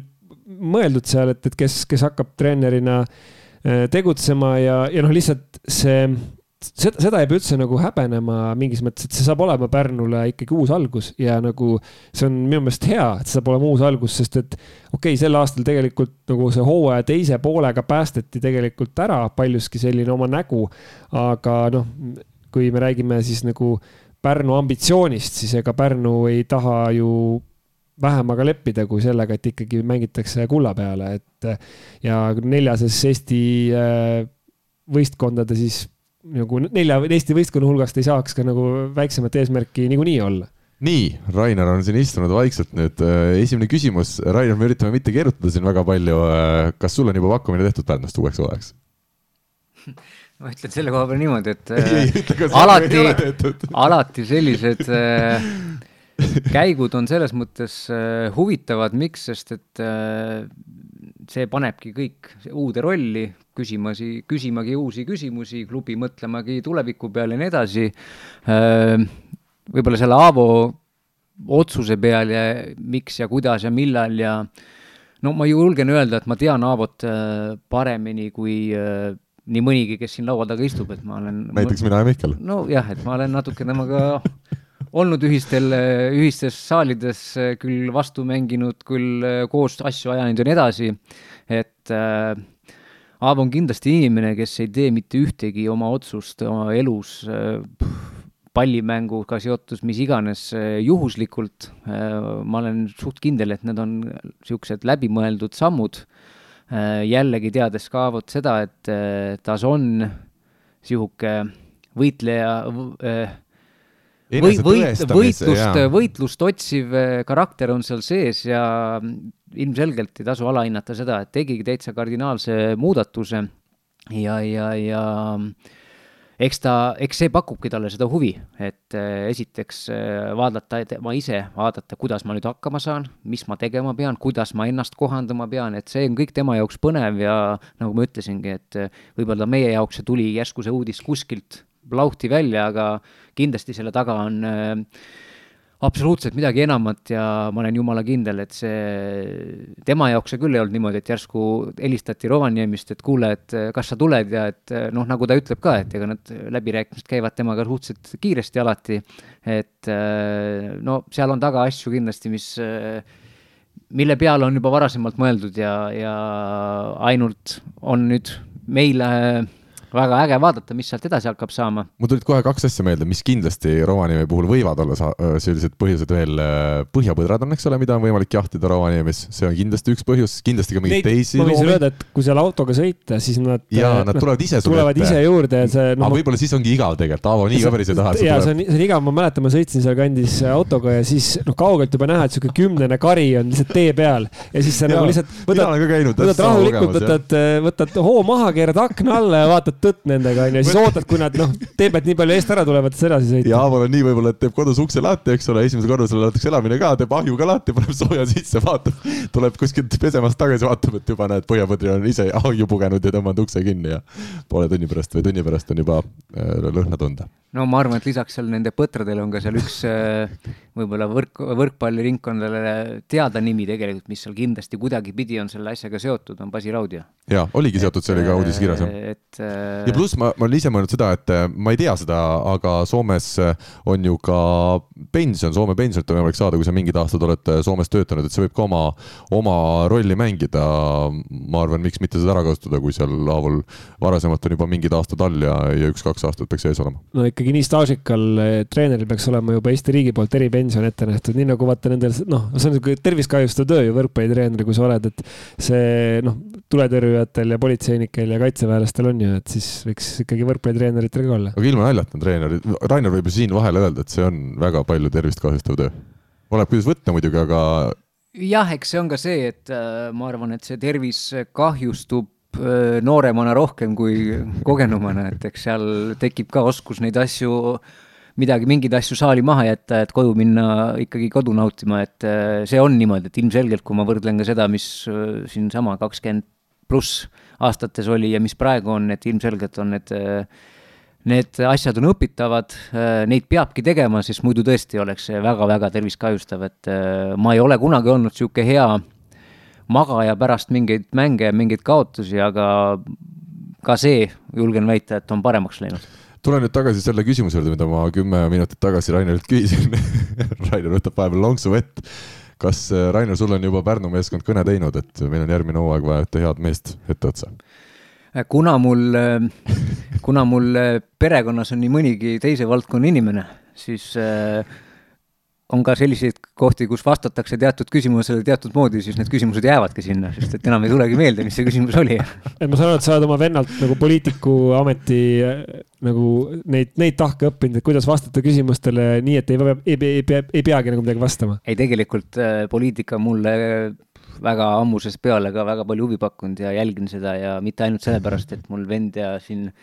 isa on olnud äh, sellega seotud, et äh, absoluutselt mitte, lihtsalt ongi tekkinud, tekkinud see selline ütleme siis huvi ja võib-olla kohustuslik huvi, aga, aga ei, see on valdkond, mida ma silmas, äh, silma peal hoian ja mis, äh, mis iganes, kes mul seal sees on või mitte, et on huvitav, jah. ja tundub, et tuleb hästi välja, sest me, ei tule. ei, me oleme rääkinud pikka aega siin, aga oota, aga ma tahtsin küsida, et kas me nagu Raineri personaalküsimusest ka täna räägime, et me siin Aavo keelest nüüd põgusalt. jaa, sinna me jõuame. sinna me jõuame, ma, ma, ma tahaks küll kõvasti siin küsida ei, Poola kohta ja kõige selle kohta, et aga sa, sa, sa nagu kuidagi liiga vara tulid selle kõigega. ei, praegu on, me räägime Pärnu võistkonnast praegu. aa, Pärnu võistkonnast, okei okay.. ma üritan ka kolmandat korda, sest hea ajakirjanik, vaata sa rääkisid, millised on head poliitikud, mina räägin, milline on hea ajakirjanik, kes ei unusta ära, mis oli tema saate mõte, mis oli tema küsimuse mõte. ma saan aru, ühesõnaga Pärnusse minek ei ole välistatud järgmisel hooajal, kas me võime nii öelda, Rainer? kuna ma vahepeal ei no mis teema nüüd tuleb? kuna ma lendasin lennukiga, siis vahepeal on äh, sellel hetkel telefonid on kinni. seal see lennurežiim ja mis seal on, et ma ei tulnud mööda maad, et ma olin lennukiga ja ma ei tea, mis ajal, kas on keegi mulle helistanud sel ajal või mitte, et ma ei oska mm. seda öelda. selge, no vot see oli, vot see, me saame aru, et sa ei taha vastata, aga sa vähemalt olid püsisid teemas, see mulle juba ajakirjanikuna väga meeldib. Ehm, mis oli huvitav veel, minu arust sealt Aavo enda intervjuust tuli ka palju huvitavat välja, et, ehm, et ta ütles, et Pärnul ja Tartul on igal juhul seisud järgmise hooaja osas nagu enam-vähem sedasi normaalsed, aga et mis saab TalTechist ja Tallinna Selverist, et see on küsimärk, nii et Aavo viskas seal väga huvitava teema üles. Ma tean, et Selveril ikkagi on päris keeruline hooaeg vist majanduslikult olnud ka, et, et mingid mured seal on, on olnud, loodetavasti need äh, lahenevad ja no eks TalTechi puhul järgmise hooaja osas on ilmselt, ilmselt, ilmselt taas küsimused õhus nii et, äh, nii et see on see. võib-olla tegemist ka siin Aavo nutikusega, et äh, nii. kui kuskilt pidi küsitakse selline küsimus, siis on võib-olla hoopis, hoopiski parem tähelepanu mujale pöörata. ja mida seda me praegu tegime, eks ole, seda, seda me täpselt tegimegi, läksime hoopis Pärnu juurest eemale. aga mille, mis igal juhul, mis signaali me saime nii Reijo Tilgalt kui ka Aavo Keelelt, et tõesti pärnakad peaksid jätkama, mis on olnud siin, ma tean, mitte ainult mina ei ole olnud see inimene, kes on seda küsinud, et vaadates Pärnu neid viimaseid aastaid ja väga keerulist majanduslikku olukorda, et kas pärast Aavo lahkumist, nii tähtsa inimese lahkumist, võiks äh, klubi ikkagi jätkata meistriga, kas see on kindel, et siis nende jutu põhjal vähemalt praegu tundus küll, et igal juhul jätkatakse, aga jääme siis lootma ja ootama, et, et see ka reaalsuseks osutub kõik. ei no tegelikult ilma igasuguse huumorita, et äh, iga, iga, iga praegu tegutsev klubi on ülioluline Eesti võrkpallile jaoks, leida neid juurde ja leida ka ressursse, et äh, seda kõike, kõike ikkagi suuremaks teha, et äh, see on ülioluline ja siin ei ole tegelikult vahet, mis klubist me praegult räägime, et kindlasti pole kellelgi lihtsad ajad ees olemas, ootamas ja seda enam, et seda teadmatus on hästi palju, mis ja kuidas ja loodame ainult, et, et see ressurss, millega neid asju saab siis korraldada, et jah, väheneb või mitte väheneb, et seda teha nii palju tööd, et see ei väheneks ja läbi selle ikkagi meil siin see kvaliteet ja tase väga palju ei langeks ma just mõtlen, et kas sinu kodulinn, sünnilinn äh, võiks ka olla õige pea tagasi. arvestades, kui nad hästi nad sel hooajal on esiliigas mänginud ja esiliiga on lausa võitjad siis lõpuks. no ma arvan, et siin äh, iga võistkond, kes seal esiliinas, liigas toimetab ja iga selline võrkpallikeskus, kes on meil ajaloos olnud, et äh, noh, ega see on niisugune selles mõttes äh, räägitud teema, et loomulikult need ma olen ka inimene, kes mäletas veel neid aegu, kus mängisidki Viljandid ja Võrud ja kõik meil siin, siin äh, liigas ja noh, isegi Maardu võistkond oli liigas olemas, et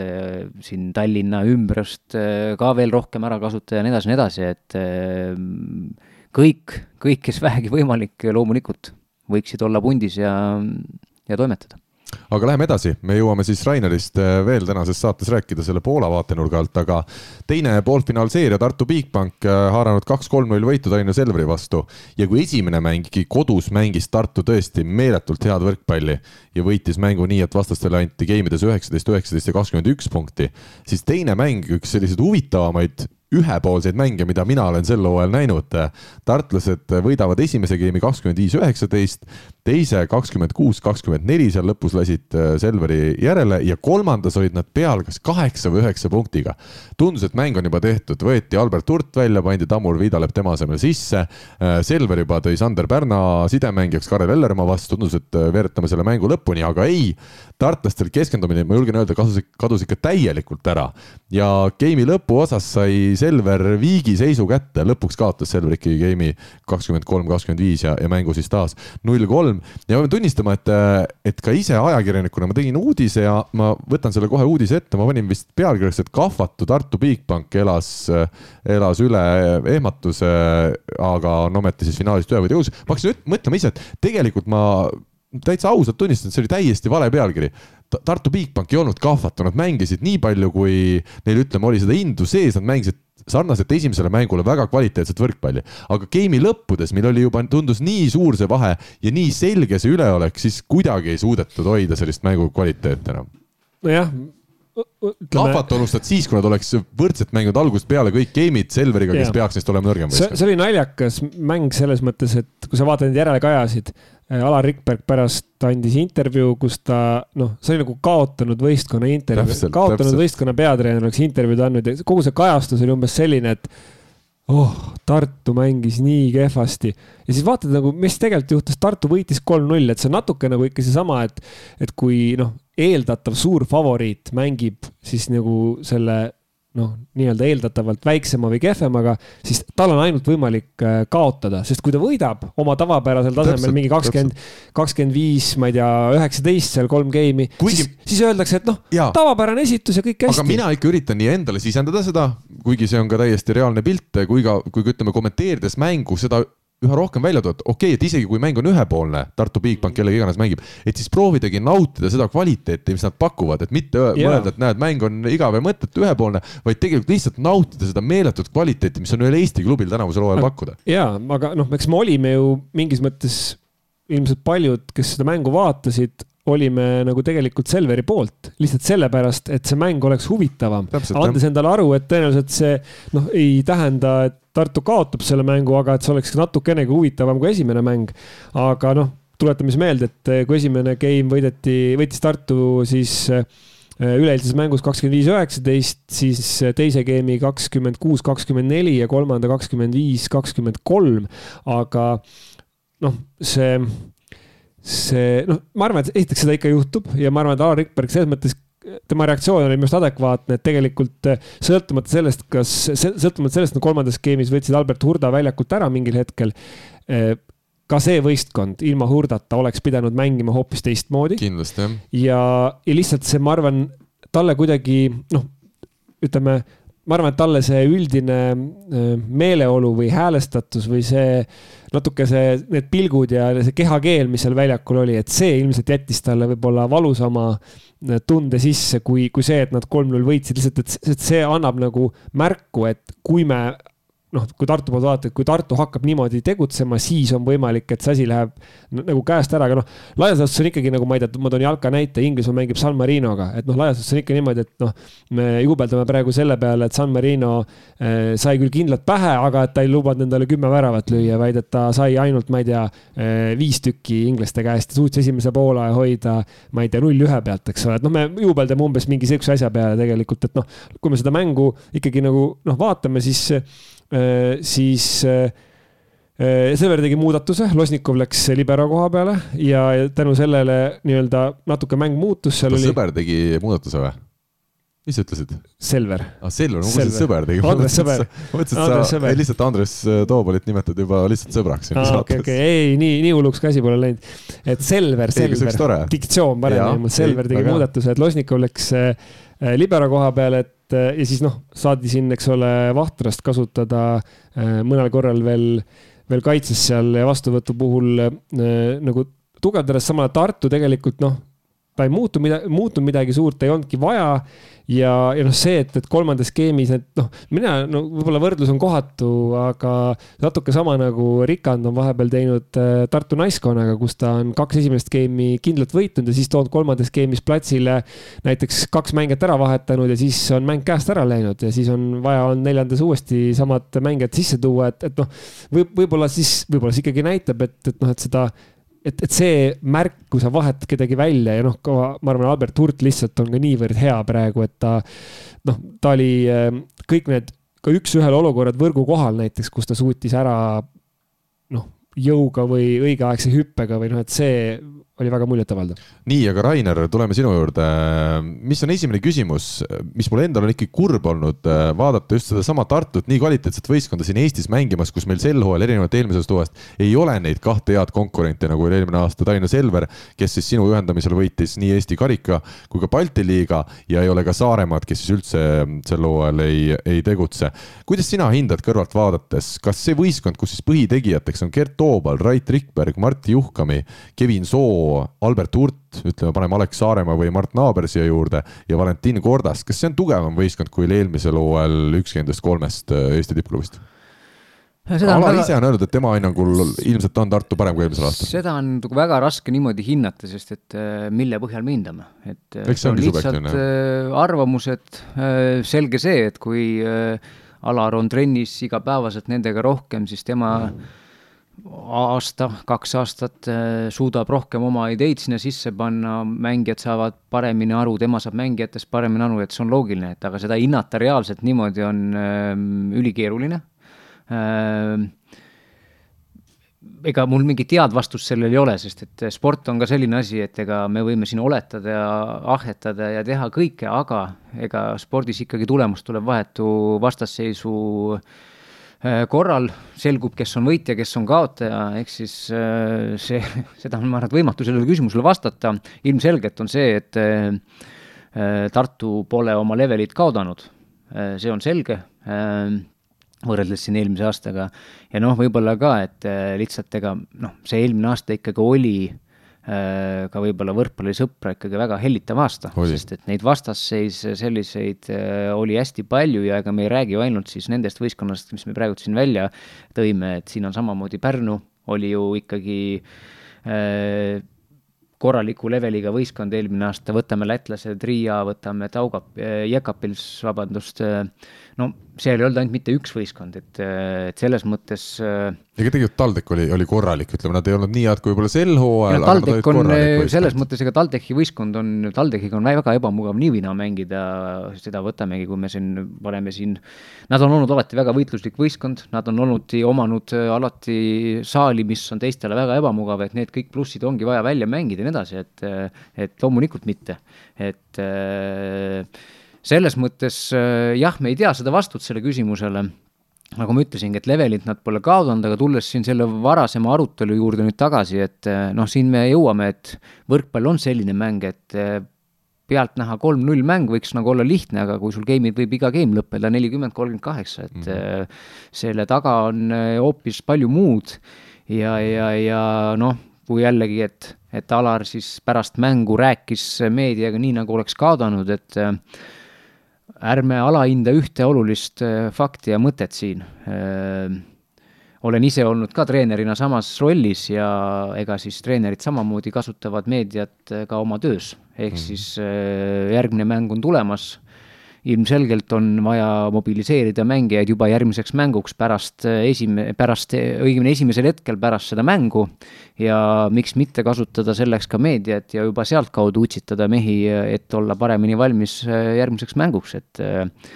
eks me, treenerid, peame omajagu oma elus ka näitlema, ütleme nii nii et tuleb välja, et lisaks poliitikule ja treeneriametile on sul ka näitlemiseks äh, kõik eeldused olemas. ei, aga tegelikult on see huvitav teema, Strainer ütles seda ka eelmise selle Pärnu teema juures, et just seda nii-öelda meediaga, avalikkusega suhtlemise, suhtlemise poolt, et noh, tegelikult ilmselt sa oled treenerina ise seda hästi palju näinud, kus, kus see, mida, ma ei tea, sotsiaalmeedias kirjutatakse, see, kuidas ka klubi või, või koondis kommunikeerib ennast väljapoole, kuidas tegelikult see mõjutab mängijaid äh, väljakul, kuidas see mõjutab treenereid. noh, kuidas nad saavad noh, tihtipeale võib-olla noh, indu sellest või ka mõnikord on täpselt see, et ma ei tea, mängijad panevad kuskil mingi pildi üles ja kui nad ei saa selles sotsiaalmeedias nii-öelda piisavat reaktsiooni, siis see tegelikult võib mõnda mängijat mõjutada hoopis selliselt, et noh, ta mõtleb, et oh kurat, keegi, kedagi ei huvitagi, mis ma siin teen. ei no lõpuks see sotsiaalmeedias on täitsa omaette ooper, et äh ma olen jah, võib-olla piisavalt teise generatsiooni inimene, et äh, mina ilmselt ei saagi sellest äh, hetkel küll mitte veel piisavalt hästi aru, aga ilmselgelt kõik, mis puudutab äh, suhtlemist pärast mängu, enne mängu ajakirjanikuga, siis ega jällegi treeneri seisukohast, äh, millele, millele me peame mõtlema, ega ei saa mõelda seda, mis on huvitav lugeda, vaid seda no,, mis oma võistkonda. lõpuks on ikkagi see, et äh, eelkõige ma pean mõtlema seda, et sedasama väljaütlemist, sedasama kommentaari kuulab ja loeb mu enda mängija ja selles mõttes ongi, et see on ülioluline kõigepealt mõelda sellele, kuidas nemad seda tõlgendavad, sellest aru saavad. see, kas võrkpallisõber, kuidas seda tõlgendab äh, see midagi pole öelda, aga julgen öelda, on ikkagi selles mõttes meile, treeneritele, teisejärgulisem, teile ajakirjanikele ka kindlasti või noh, nagu ma ise olen ka juba ajakirjanik ennem jah, et, et ajakirjanikel on äh, teistmoodi ja noh, see on üks osa sellest protsessist ja kes võib-olla mõtleb sellele vähem, kes rohkem, äh, kes mõtleb sellele hiljem pärast vaatab, et äkki mingi asi oleks võinud ütlemata jätta või mingi asi oleks pidanud just ütlema rohkem mm., et jällegi kasutada seda võimalust, mis on antud. üks asi siia vahele veel kiiresti, Rainer, sina ka eelmisel aastal äh, said seda tunda omal nahal, äh, kui mikrofon pandi time-out'ide ajal äh, suu juurde. palju see sind mõjutas, segas, andis hoopis juurde midagi? Ja palju seda varem oled, olid sa üldse varem seda kuskil kogenud? ausalt öeldes, ega kui mäng käib, ega siis jällegi mul on küsitud, et, et ma ei tea, kas palju pealtvaatajaid oli, noh, siis kui meil oli pealtvaatajaid rohkem, kui siin enne seda, sedasama Covidi aega, et ausalt öeldes mina treenerina, ma ei tea selliseid asju. ma ei tea, palju on rahvast saalis, noh kuni selleni välja, et kas ma ei tea, mis seal time-out idel, kas tantsutüdrukud või mingid, mul pole õrna aimugi, sest et ma mänguaeg tegelen mänguga ja mikrofoni küll ikkagi päris paljud treenerid ja mängijad äh, jälgivad. no võib-olla see on see hetk, kus võib-olla alguses sa mõtled, aga mingist hetkest, kui see õige nagu see mäng ja see adrenaliin läheb nagu käima, siis äh, ei noh, kõige vähem on mul aega mõelda sellele, kas see mikrofon kuskil on või mitte, et, et kui võib-olla mängu alguses ka suudad ennast rohkem, siis ma ei tea, mingeid asju mitte öelda või võib-olla, ma ei tea, mul ei ole selles mõttes, ma arvan, probleemi, et ma ei pea muretsema, et kui mul mikrofoni ei ole, et ma oleks mänguaeg ebaviisakas mängijatega, et, et selles mõttes võib-olla mind see häirib vähem ka sellepärast. aga kui ka alguses on mingi mõte, siis mängu ajal see asi küll kaob ära ja ei, sellepärast küll midagi tegemata ei jää teine asi, mida nüüd saaks selle seeriaga seoses küsida, kuna sina eelmisel aastal Selverit juhendasid ja Mihkel Nuut oli siis äh, ka Selveri võistkonnas, siis äh, tema kahes esimeses mängus nüüd äh, Losnikovi vigastuse tõttu tegutsenud nurgaründajana. esimeses mängus võeti vähe, vähem vahele, teises võeti ikkagi juba väga korralikult vahele. Ähm, kuidas sa Mihkli sellist esitust äh, vaatad? minu jaoks ühtpidi olnud väga huvitav see, et vasakukäeline mees nüüd nurgas elus esimest korda meistriliigas mängib taolises kohas ka poolfinaalseerias ja oma rünnakuid lahendanud esimeses mängus super hästi, teises noh, mitte enam nii hästi, aga selline jälle huvitav punkt selles seerias. no esiteks äh ma ei ole väga palju neid mänge näinud, mul, mul viimase mängu ajal oli kokkulepe oma pojaga, et issi vaatab ühe game'i ja siis äh, teeme oma asju edasi, ehk siis äh, ma nägin esimest game'i, ma rohkem ei näinud, aga noh, üleüldises mõttes äh, võtame nüüd niimoodi, et esiteks, kui Mihkel Nuut vahetab oma positsiooni, siis kindlasti on see ka alguses ootamatu Tartule, teiseks mänguks on neil kindlasti juba oluliselt paremini valmistatud, kuidas tema vastu peaks mängima, sellepärast lähebki ebamugavaks siis teine asi, jah, tal on seda osavust ja seda piisavalt äh, aga nüüd on üks oluline faktor, ega nii või naa, mis, mis tähendab, mis näitab nagu mängijate taset üldse ju, ega mängijate taset näitabki see, et äh, mingi mängija ka võib, võib teha väga ilusaid liigutusi. Äh, aga nüüd on küsimus see, et kuidas need kõik asjad kokku panna ühte mängu, kõigepealt siis ühte reamängu ja teine asi, kui panna sinna ka mingi, mingi sihuke Äh, tähtsus sellele mängule juurde, et siis hakkab lugema ju, kes, mis liigutused tulevad kakskümmend neli, kakskümmend kolm seisul ja nii edasi, et noh, samamoodi see on niisugune igipõline teema, et äh, ma arvan, et iga mängija on seda tunnetanud, iga treener on seda tunnetanud, et äh, kui seis on kuusteist, kolmteist, siis võistkond servib oluliselt paremini, kui seis on kolmteist, kuusteist. et kuigi tegelikult jällegi, et mida vähem sellele mõelda, loomulikult seda parem, aga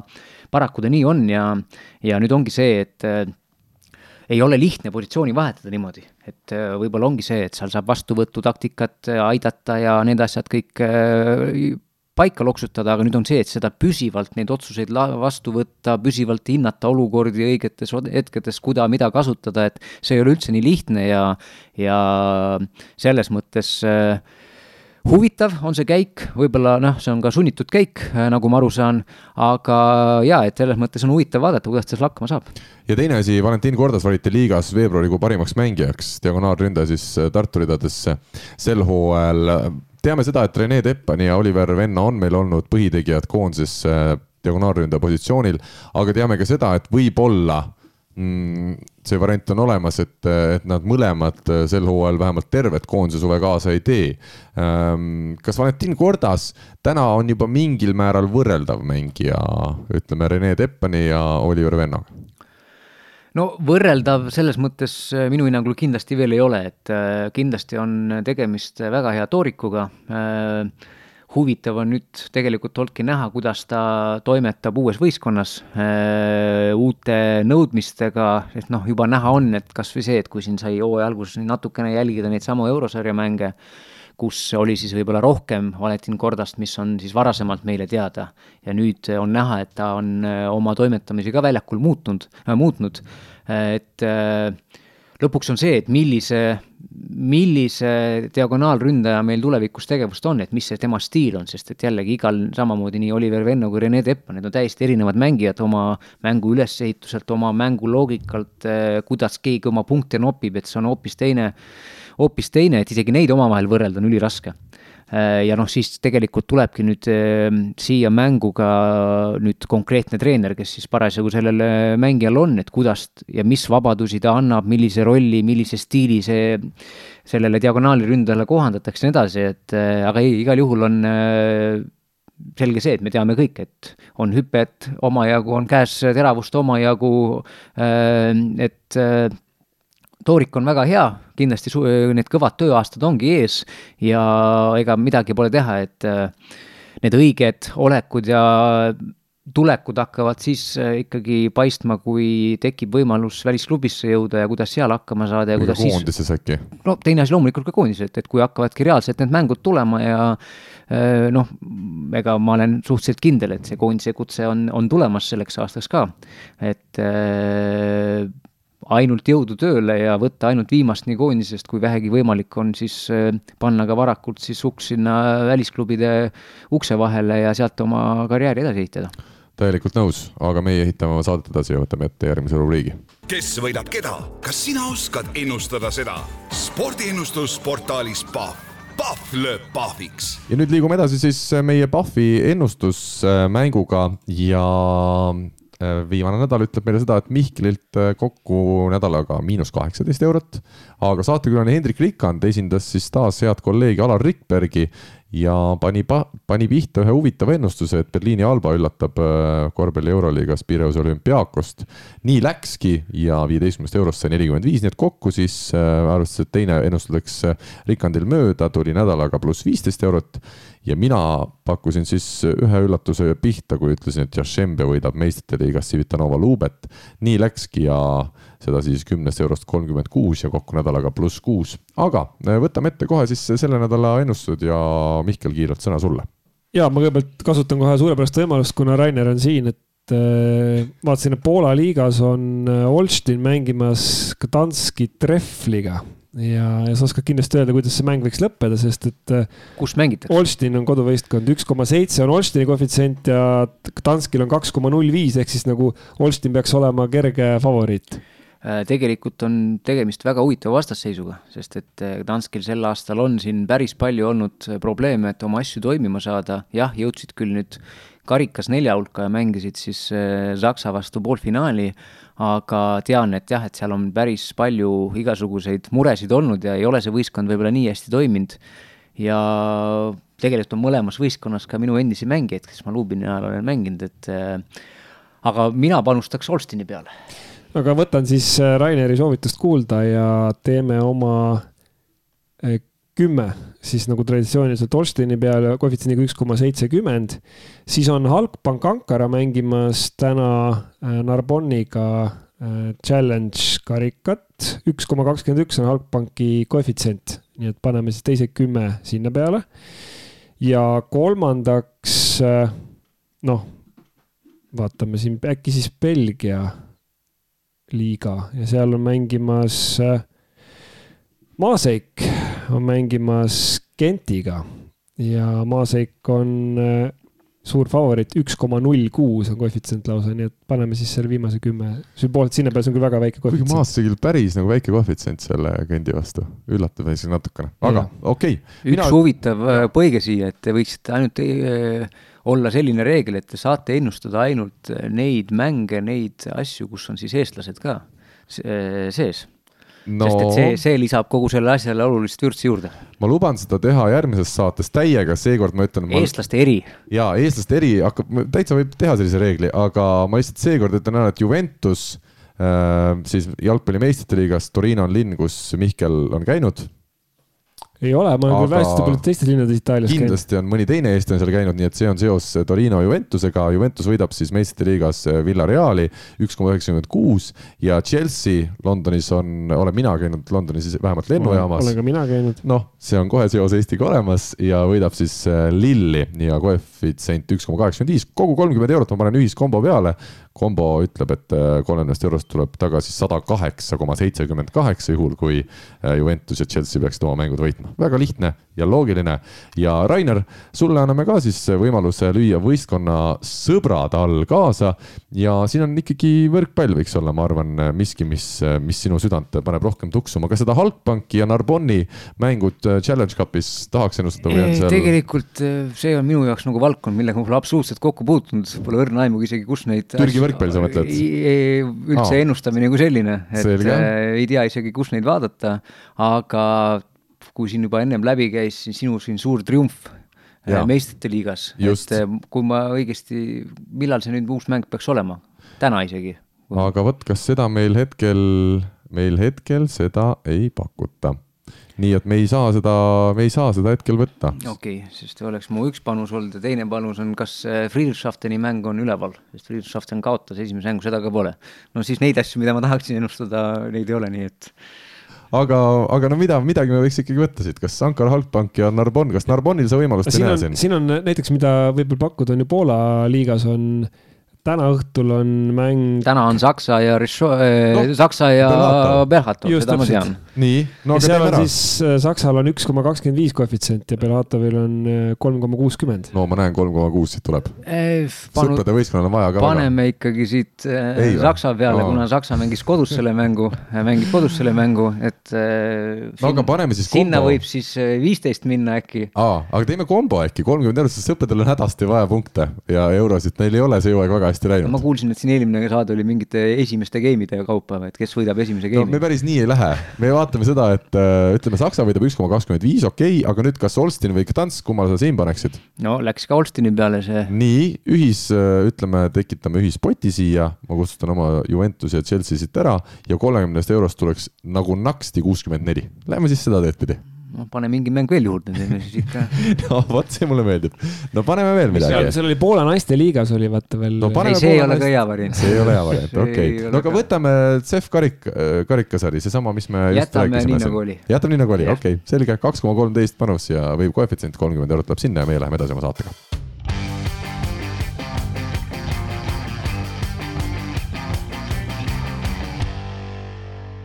nii, ja meil on tänast saadet äh, aega veel teha natukene üle neljakümne minuti, ma palun ka saates viibivatel äh, kokkadel äh, vastavalt käituda. Alustame naiste meistriga veerandfinaalseeriatest. Ja Viljandi Metall on siis jõudnud poolfinaali, alistades kahes veerandfinaalkohtumises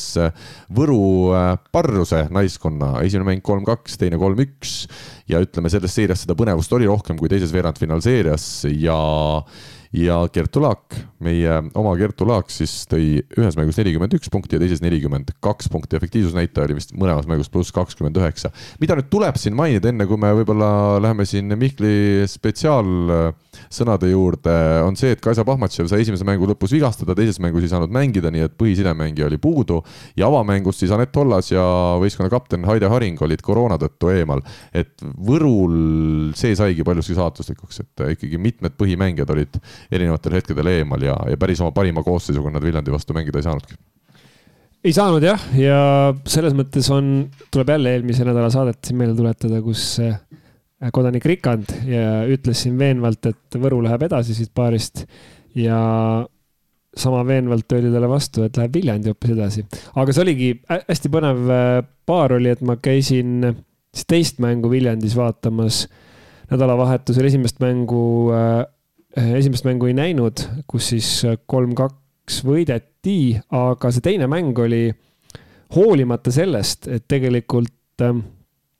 võis eeldada, et ilma Kaisa Pahmatševita on, on, on ehk Viljandil kergem, siis tegelikult äh, juba mitmendat mängu sel aastal, kui ma olen äh, Võrut näinud, siis Roosmari Räim saab sidemängija kohal väga hästi hakkama äh, ja Võru mängib sümpaatselt oma stiili, ehk siis täiesti sellist jõukohast, ei aja asja liiga keeruliseks ja see tõi edu, et kui esimeses skeemis Viljandi Äh, võitis kakskümmend viis, kaheksateist, siis teises skeemis äh, Võru oli taga äh, kakskümmend, kakskümmend kaks ja see mäng, see teine, see teine game lõppes lõpuks kakskümmend viis, kakskümmend kaks Võru võiduga ehk siis viis punkti saadi järjest teise game'i lõpus. kolmandas game'is omakorda oli Viljandi päris korralikult taga, kaheksateist, kakskümmend üks. ja tuli sidemängija vahetus Äh, ja kusjuures jah, tuli sidemängija vahetus juurde, Mõnnaku võeti välja ja siis läks, äh, siis äh, Egle Püvi läks sisse. ja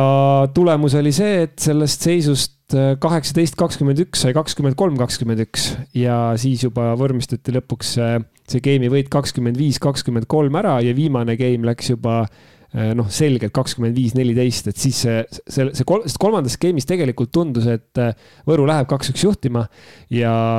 ja nii nagu üks äh, Viljandi mängija pärast ütles, et, et äh, ei tahtnud enam Võrru sõita järgmisel päeval. et, siis hambad ristis võeti sõitis see. poolfinaali hoopis. sõitis poolfinaali, et hambad ristis võeti see kolmas game ära, mis oli nagu võtme, võtmegeim, et tegelikult noh, ma ikkagi Äh, ütleks, et Viljandi jah, ta kogub vormi äh, siis nende mängude jooksul ja, ja, ja kõik nii edasi, aga endiselt ma olen nagu seda meelt, et äh, nüüd nagu poolfinaalis, noh, jällegi poolfinaal natuke teine olukord kui see terve turniir ja nad ei ole Kikasega veel kordagi mänginud. aga ma tahaks ikkagi öelda, et Kikas on nagu favoriit, sest Kikas on ühtlasem võistkond, kui juhtub sama Kikasega, mis juhtus Balti liiga poolfinaalis ja tegelikult ka võib-olla öelda natuke kolmanda koha mängus, siis võiks see asi natuke huvitavamaks minna. esimene mäng nüüd selles oota, aga räägime veel ja. sellest äh, mängust endast, ma, ma okay. paar sõna tahaks öelda. Äh, ja ma lihtsalt tahan öelda, et, ähm, et see, et see mäng, ähm, mis Viljandi näitas, ei olnud kindlasti nüüd selline noh, kindel, et peaks Äh, kuidagi, et oleks tõstnud minu silmis neid tohutusse, ma ei tea, favoriidi staatusesse või pigem no ikkagi sama, et nad peavad ikkagi väga palju tõestama ja ütleks, et Tartu ja Kikase järel on nemad ikkagi see, see noh, ja võib-olla isegi Audentese järel, eks ole, on nemad hetkel see number kolm-neli, et et Audentese, Audentesega omavahelises mängus nad ju ka kaotasid selle ja puhtalt sellepärast, et ega noh, Kertu, kes tõi nelikümmend üks punkti selles teises mängus aga ega ta noh, ta ei ole ka eksimatu, talle saadi ka mingil hetkel plokk ette, ta hakkas ka mingil hetkel noh, võib-olla mõnes olukorras noh, kui sa nii palju tõsteid saad, ma vaatan, ta sai viiskümmend viis tõstet siis äh, nelja game'i peale, et sa, sa paratamatult, sa teed mõnikord, äh, lööd võrku, mõni hani äh, läheb seal valesti ja, ja ega ta eksis ka serviga, ta tegi no. neli viga ja lõi viis ässa, et noh, selles mõttes. suhe on ikka päris hea suhe on muidugi päris hea, ta lõi seitseteist korda, et selles mõttes sai servida, et, et oli, oli nagu, oli nagu hea, aga, aga jah, ma ei, ma ei näe siin ikkagi veel sellist, ütleme, et kui Viljandi tahab äh, finaali jõuda, siis ta peab ikkagi veel siit sammu kaks juurde panema. Kertu Laagi kohta selline küsimus, kahe mänguga kaheksakümmend kolm punkti, aga nagu sa Mihkel ka ilusti välja tõid, et, et ega ta ei mängi oma parimat võrkpalli hetkel. Ja me loodame, et see parim võrkpall tuleb esile ikkagi suvel koondise juures. aga kui tähtis on äh, Kertu Laagi roll Viljandis Mm, võrreldes, kui me tooksime võrdluse siin meeste võrkpalli juurde, kas Oliver Venno või Rene Teppani lisandumine oleks praegu Eesti klubidele, oleks ta sama märkimisväärne? kas Oliver Venno võiks täna Pärnu võistkonna näiteks äh, vedada Eesti meistriks, päris nii vist ikkagi ei ole võimalik. ma arvan, et Kertu puhul on see suurem. see roll on oluliselt suurem, jah sest et sinna saab noh, tõesti, kui need, ma ei ole ühtegi mängu näinud, aga need numbrid vaadata ka tõstete arvu ja nii edasi, et noh, põhimõtteliselt kui vaadata nüüd kogu arv tõstetest ja suur see protsent nüüd läheb temale, et see on ju müstiline, see number ja võib-olla siis jah, eh, naiste, naiste võrkpalli puhul on siis äh, nüüd lihtsam neid olukordi seal lahendada, et äh, meeste puhul äh, jah, oleks äh, tehakse seal päris kiiresti korrektuurid ja neid hakatakse, neid puuteid noppima sealt, sest et lõpuks ongi see, et ega ega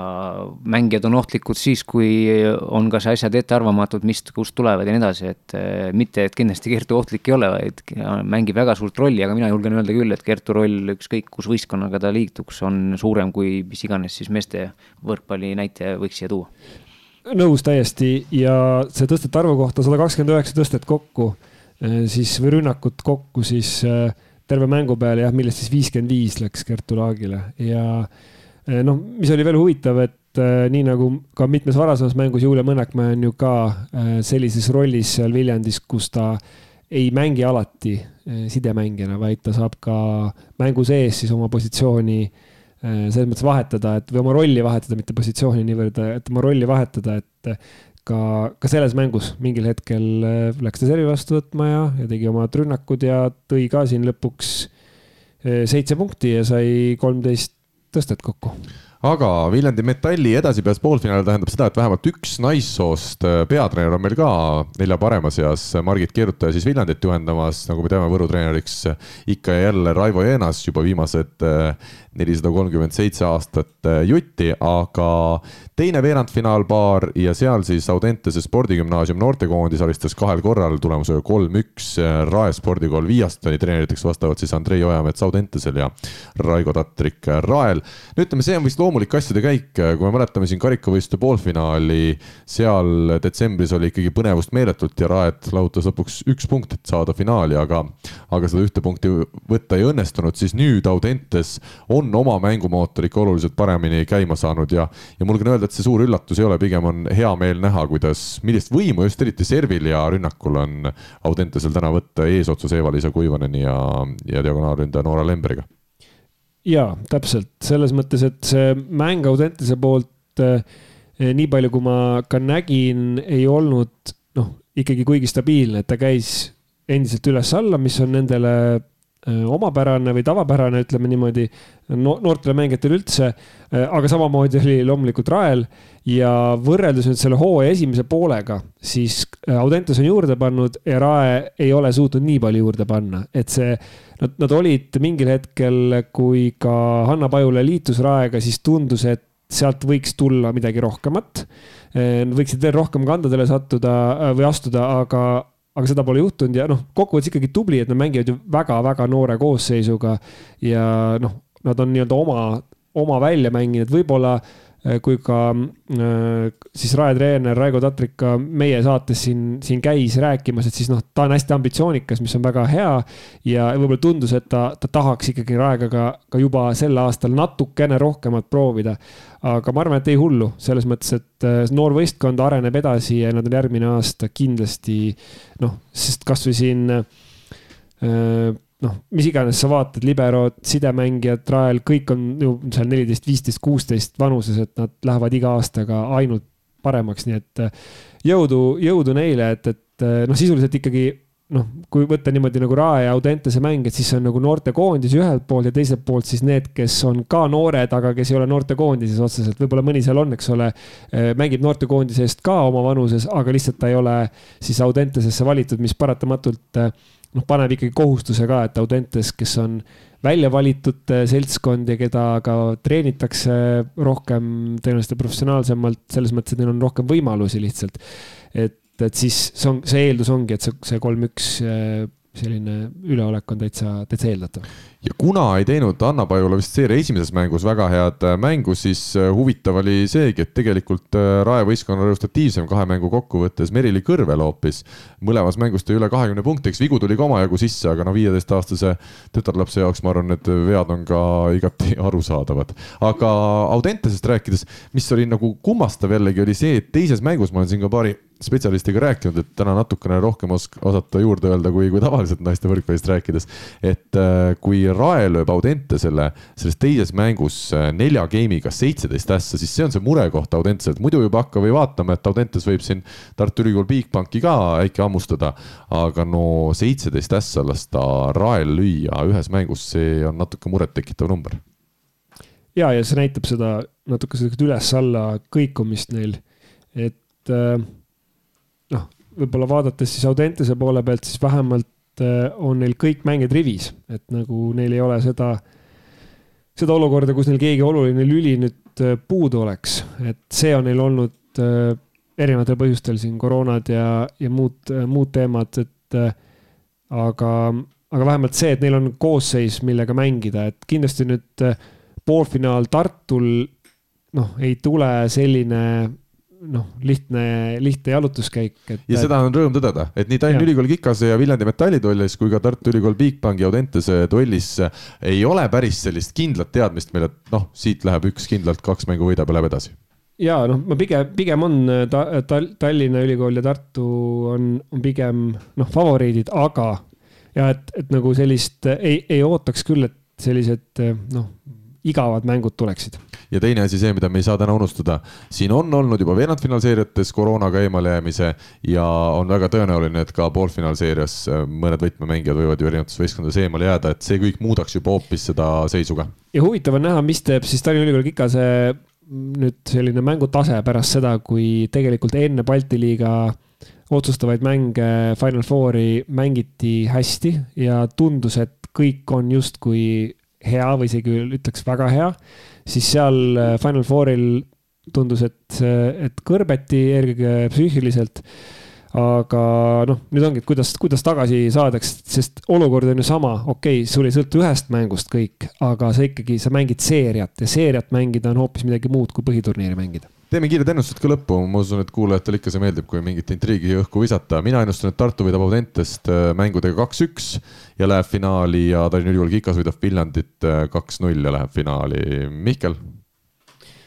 Tartu ja Tallinn võidavad kaks-null. ja Rainer.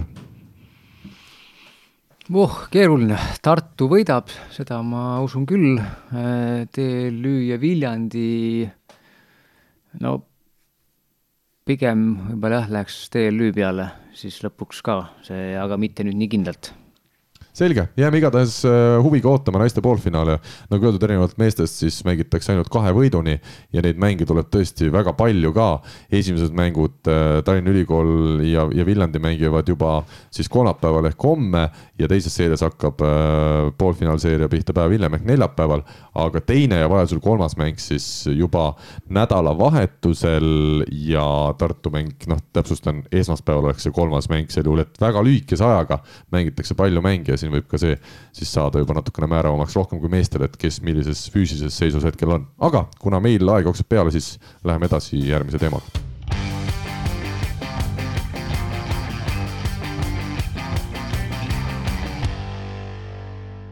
ja enne kui me läheme Rainer Vassiljevi personaalteema juurde, siis äh, mainiksin ära eestlased välismaal teemal seekord kaks nime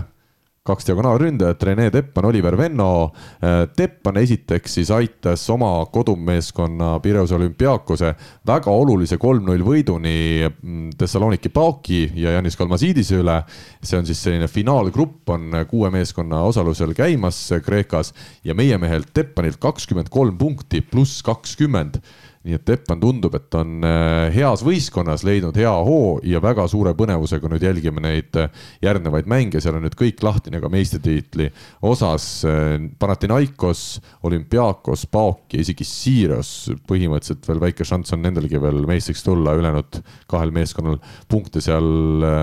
selles finaalgrupis sisuliselt ei olegi. aga Rainer, ma ei tea, palju sa oled jõudnud rääkida Renega, palju sa oled jõudnud jälgida ta mänge, seis tundub igatahes hea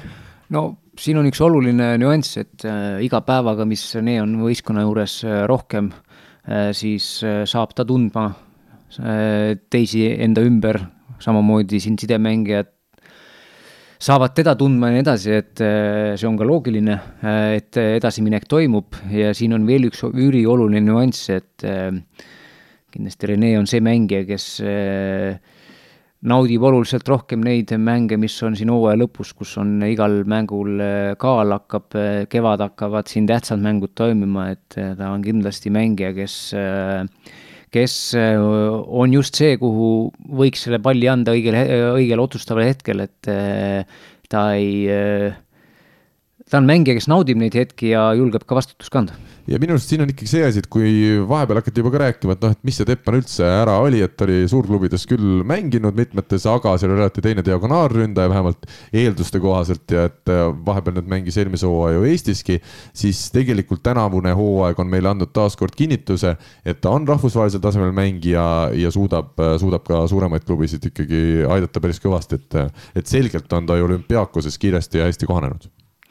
jaa, ei kindlasti Kreeka liiga ei ole see, kus eh, siis nii-öelda tema lagi on, kus ta võiks mängida, et eh, et eh, jällegi, et see käik, et, et ta siia Eestisse tuli eelmine aasta, see oli ka väga selge, et esiteks on vaja oma tervist korda saada ja siis äh, oligi loogiline, et ta lendab aga siit edasi ja uuesti sinna, kuhu, kus ta peakski olema ja minu jaoks see küll üllatus ei ole, et, et ta siis Kreeka-suguses liigas saab hakkama ja saab väga hästi hakkama aga läheme natukene veel kaugemale ja Pärsia lahe turniir toimus siis Bahreinis. Ja seal Oliver Venno ja tema tööandja äh, Doha politsei võtsid võidu poolfinaalis kolm-üks äh, võit äh, all Kadishari üle. Ja finaalis kolm-null siis võideti Omaani üht klubi, nii et selline rahvusvaheline turniir, kus erinevad selle kandi võistkonnad kokku olid saanud. mis on nüüd kahju, on see, et me ei saa võrkpallisõppedele edastada statistikat, sest tundub, et seda statistikat seal vist sedasi ei tehtudki, et seda vähemalt ka kellelegi teisele oleks jagatud, ma usun, et võistkonna sees äkki ikka statistikat tehti. Oliver Venno, mis kõige tähtsam, valiti turniiri parimaks, mis annab meile ka selle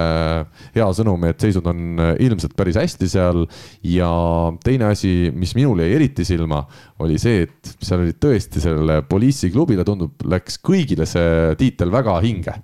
pea, peale Oliveri, sest et nad kõik hüppasid seal, rõõmustasid pärast mängu, kallistasid. Ja siis venna nagu üritas juba sealt vahepealt välja pugeda, et ta ei peaks ka kaasa hüppama, et eks ta sai muidugi rohkem tõstetud kui teised ka, ega ta võib-olla ei jõudnudki hüpata enam pärast finaali nii palju, aga no näha oli, et Oliver oli tagasihoidlik Eesti mees, pigem juba tahaks sinna koju tagasi ja ja rahulikult puhkame ja täpselt samamoodi oli selle võidupildi peal, kui tema oli mängitud, valitud parimaks, oli selge, et noh, turniiri säravaim mängija, siis võidupildi peal, nii nagu ka eelmisel hooajal me oleme harjunud, on Oliver alati kuskil taganurgas, vahel ta ei paistagi sealt välja, siin oli ka nii, et ühe pildi peal oli näiteks suurelt vist see kas klubi või, või, või riigi lipp pandud ja Oliver on lihtsalt jäänud selle lipu taha. Et, et sa nagu mõtled vahel seda, et kuidas on, Rainer, kui te võidad mingi tiitli, kas sa vahel ütled ka, et kuule, et sa olid meil MVP, et sa tule ettepoole, et ära jää sinna taha, muidu keegi ei mäletagi või keegi ei näegi, et näed, see mees oli meil lõpuks ju see, kes selle ära otsustas.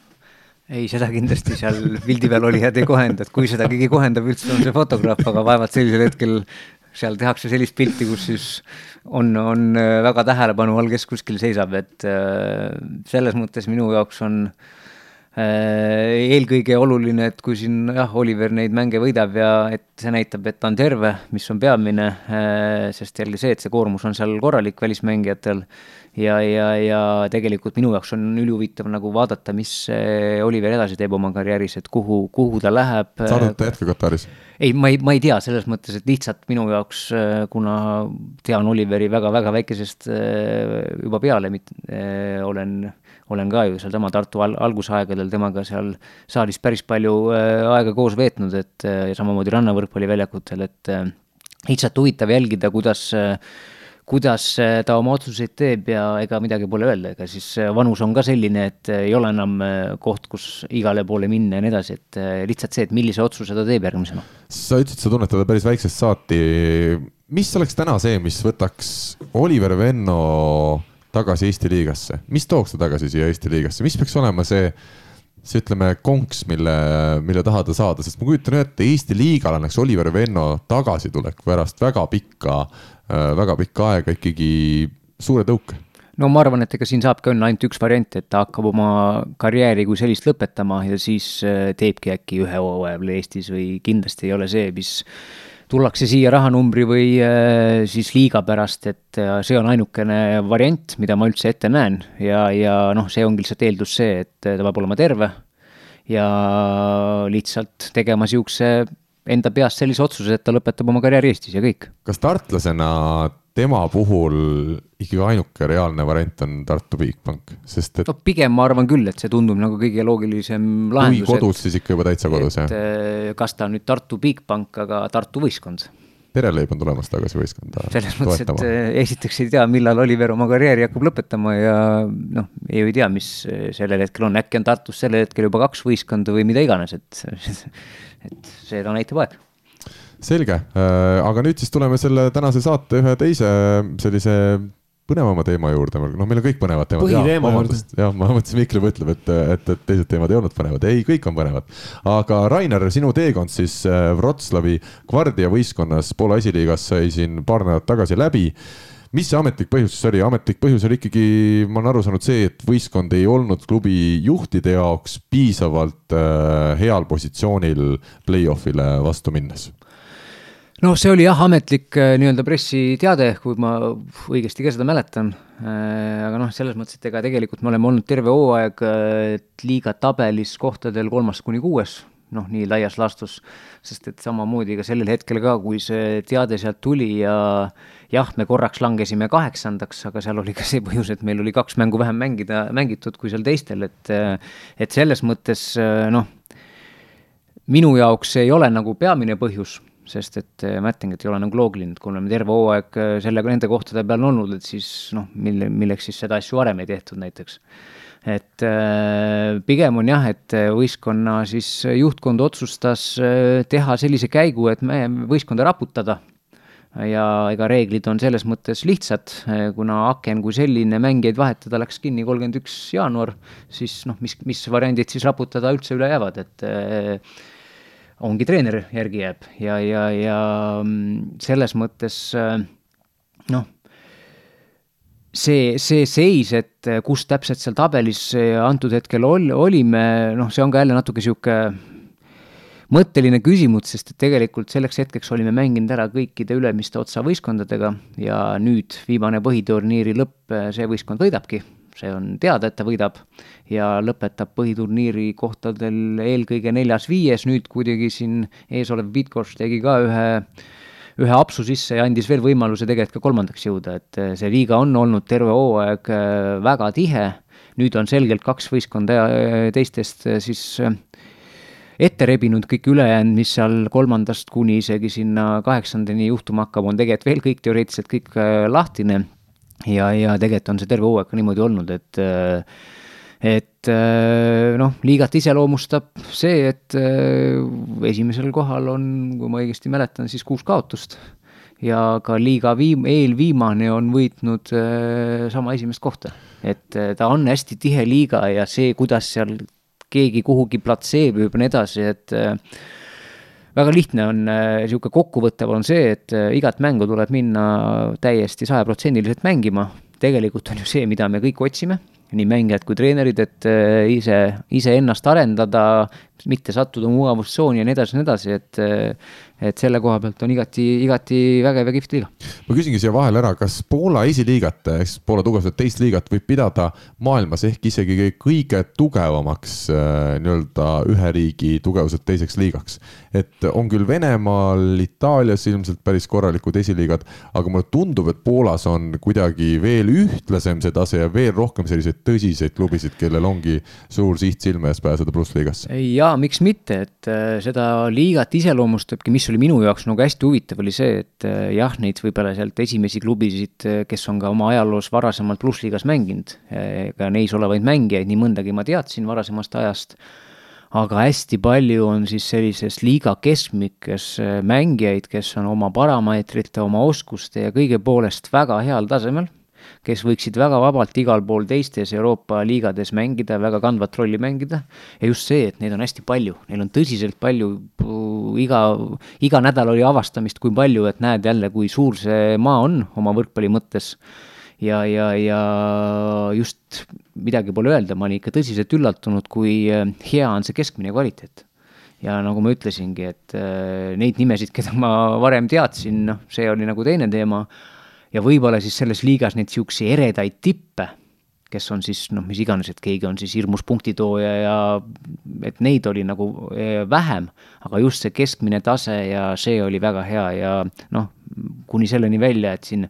endine mängija Šveitsis, kes nüüd mängib äh, Frankfurdis Saksa liigas, siis kirjutas mulle ka mingit pärast mängu, et ma vaatasin teie mängu ja üllatusin, et see mäng on ikka uskumatult füüsiline seal. Ja tegelikult nii ka, nii ta ongi, et see mäng on väga füüsiline, et niisuguse pehmete löökidega pole seal midagi teha, et kui sul on ikka vaja tuld anda, et punkti teenida, on vaja tuld anda äh, ja lisame muidugi siia juurde ka siis sellele Poolale, Poola võrkpallile ise äraliku sellise nikerdamise, mida sama ka Saksa siin viljeleb äh, meistrite liigas, et see koefitsient läheb sinna juurde, et ka selliseid mänge on hästi palju, kes oskavad seal plokki töödelda ja siis äh, noh, see on neile Poola rahvusele kui selline iseloomulik, iseloomulik stiil no kuna sa olid varasemalt kaks aastat ju ka abitreeneri rollis Poola kõrgliigas eh, Lubini Kuprumi võistkonnas, siis sa ilmselt eh, juba natukene oskad ka tunnetada või, või vastata küsimusele, et miks Poolas on see võrkpall eh, nii suur ja tähtis ala? ole, oled sa suutnud seda välja nuputada? no esiteks kindlasti on seal ajalugu sellel ajal, et nad on ikkagi seda mängu Äh, mänginud sellisel tasemel viimased, et äh, siin noh, hakkame üldse vaatama plussliiga arengut kui sellist, et äh, siin aastaid kümme pluss tagasi hakati tooma välistreenereid plussliigasse väga palju, endiselt on neid seal väga palju, sealt tulenevalt siis hakati arendama koondist nii-öelda uue võrkpalli mõttes, see, et ta on suur liig-, rahvas, rahvus kui selline, see on tavapärane ja siis panemegi sinna juurde nüüd selle, et äh,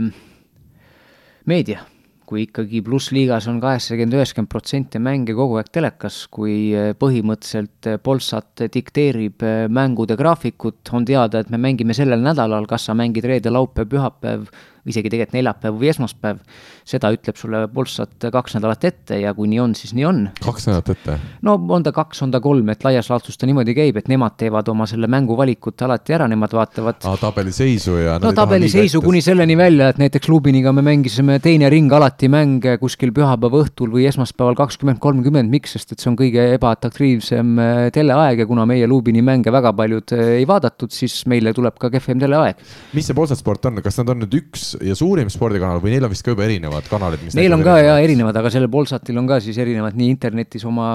veel eraldi Polsat boksid või ma ei teagi ausalt öeldes, kuidas see nimed nüüd seal on, et aga jaa, et see televisioon on, mängib väga suurt rolli ja mängib tegelikult ka esiliigas, sest ka esiliiga mänge näidatakse telekas. ja, ja noh, netis ja telekas kokku, ma arvan, et niisugune pooled mängud olid meil telekas olemas. ja, ja noh, kas või nüüd, et tean nii mõndagi, et kuigi graafik oli ka siin erinevatel põhjustel päris tihedaks läinud siin, siis tehti seda veel tihedamaks, kui on, pidi olema siin üks mäng laupäeval, aga toodi hoopis neljapäevaks ja noh, selles mõttes, et ega seal polegi midagi vastu vaielda, et nii on ja, ja noh, that's it, et ega siin selles mõttes neil on võimu ja sellest lähtuvalt äh, võib-olla me jõuamegi selle küsimuse vastusele ka, et see rahvas on harjunud võrkpalli vaatama nii saalis kui telekas ja, ja, ja sellepärast ta ongi popp. kas sa näed, et Eestis võiks ka samamoodi minna? täna on ikkagi jätkuvalt Eesti on koondisemaa, meil ka võrkpalliliit meeletult panustab koondisesse, samas noh, klubi see värk tundub, on jäänud natukene kuidagi halb, halba või halvemasse seisu, et kas sa näed, et Eestis võiks ka olla ruumi sellele, et koondiste kõrval oleks meil ka klubivõrkpall, selline suur ala, mida inimesed vaataksid? No eks see asi käib ka samm-sammult, et seda tuleb äh, üles ehitada, seda kultuuri tekitada. Äh, noh, võtame Poola näitel ka selle, et ega nad pakuvad ka väga kvaliteetset teenust, sest see ülekanne kvaliteet on väga hea. seda on tõesti mõnus sest vaadata. et seal on olemas eraldi kommentaatorite brigaadid, kes samamoodi rändavad ringi, neid ei ole üks, neid on palju, samamoodi paneme silla sama challenge süsteemi brigaad, kes ju rändab iga plussliiga mängult, et see kaadervärk, kuidas nad seda teevad, see on ikkagi päris müstiline ja tõesti see kvaliteet kvaliteet, mida nad pakuvad, on ülihea. ja, ja rahvas on harjunud seda vaatama, jah. Äh, sinul oli kas sel hooajal kolm legionäri? Äh, Poola esiliigas võib olla korraga väljakul äh, kaks mängijat, välismaalast, ja tegelikult terve hooaeg põhimõtteliselt ma olen mänginud ühe legionäriga, et Tim Gröser oli siis see legionär ja võib-olla siin ajab segadusse see, et Vukas Tihatšek äh, tegelikult ei ole sealmaal legionär, kuna tal on siis, äh, tema, seal käsitletakse teda kui Poola mängijat. ja aga staff oli sul kõik leedu-, või mitte leedukad, vaid poolakad? jah, kõik olid poolakad ja kõik olid selles mõttes minu jaoks uued, uued inimesed minu ümber. kuidas sellises keskkonnas sinul kui eestlasest peatreeneril oli tööd teha? no ütleme niimoodi, et see on paras väljakutse sest et eh, minnagi ühte kultuuri, kõigepealt ühte klubisse, sest et staff ei ole ainult siis abitreener ja füsio ja kõik need, tüketreener ja nii edasi, et see on oluliselt laiem, kõik inimesed, kes on klubiga seotud, tunnetada ära, kuidas nendega seal toimetada, kuidas suhelda, kes on kes, eh, samamoodi siis eh, kes on ümber need inimesed sama vahetult, kes mul trennis on ja nii edasi, et seda enam, et mul oli seal omajagu seiklusi ka, sest et kui ma sinna jõudsin, siis läks aega, kui ma õigesti mäletan, siis poolteist kuud, kui reaalselt inimene, kes mind sinna tõi, klubist lahkus ja Office'ist lahkus kaks inimest, kes siis mind konkreetselt aitasid, siis tegelikult jäigi alles ainult statistik. miks nad lahkusid? Äh, erinevad põhjused, et noh, tegelikult oligi spordidirektor, äh, abitreener, kes siis pidi mul olema, tema lihtsalt äh, põhimõtteliselt nüüd on maandunud Nissa klubi spordidirektorina, ehk siis plussliigasse, et see on üks osa elus, esust, elust, et siis keset hooaega, nii jah? jah, ja see tegelikult toimuski isegi mitte keset hooaega, vaid oli küll, me olime mänginud vist kaks ametlikku mängu siis, kui see toimus. ja ega mis seal salata, et see oli päris niisugune omamoodi äh, aeg, äh, põhimõtteliselt pidin mina hakkama siis uues riigis täitsa nullist omale kuidagi ümber ehitama uut stuff'i, äh, põhimõtteliselt leidma inimest siis, kes on minu jaoks siis parem käsi selles võistkonnas, aga ma ütleks, et see läks mul tegelikult isegi kokkuvõttes suhteliselt valutult, sest et leidus inimene, kes siis on varem ainult naiste võrkpalli taustaga oli kohalikust linnat äh, pärit, Wroclawist pärit ja oli siis hetkel äh, tööd, äh, tööta ja oli valmis appi tulema ja tegelikult oli, tema taust on statistik varasemalt, pluss siis olnud siis kohaliku naiskonna treener, abitreener ja peatreener. ja selles mõttes oli, oli minu jaoks väga hea täiendus, sest et kuna minu statistik seal klubis ei olnud täisprofessionaalne, siis tegelikult ta sai ka seda statistiku poolt siis natuke, natuke äh, aidata ja minu elu tegi ta oluliselt lihtsamaks, et äh, läks, äh, läks selle koha pealt hästi see. Kas inglise keelt räägite kogu aeg või oled sa juba õppinud poola keelt ka nii palju, et mingid asjad saad sedasi aetud? Äh, räägiti, noh, töökeel on ikka inglise keel, et ega mängijatest ka see, kes inglise keelest aru ei saanud, sellist mängijat tegelikult ei olnudki. võib-olla seal üks noor tempomängija, tema oli, aga noh, tal oli ka, et ikka lihtsalt noh, küsimus oli kiiruses, et kui kiiresti rääkida ja nii edasi, et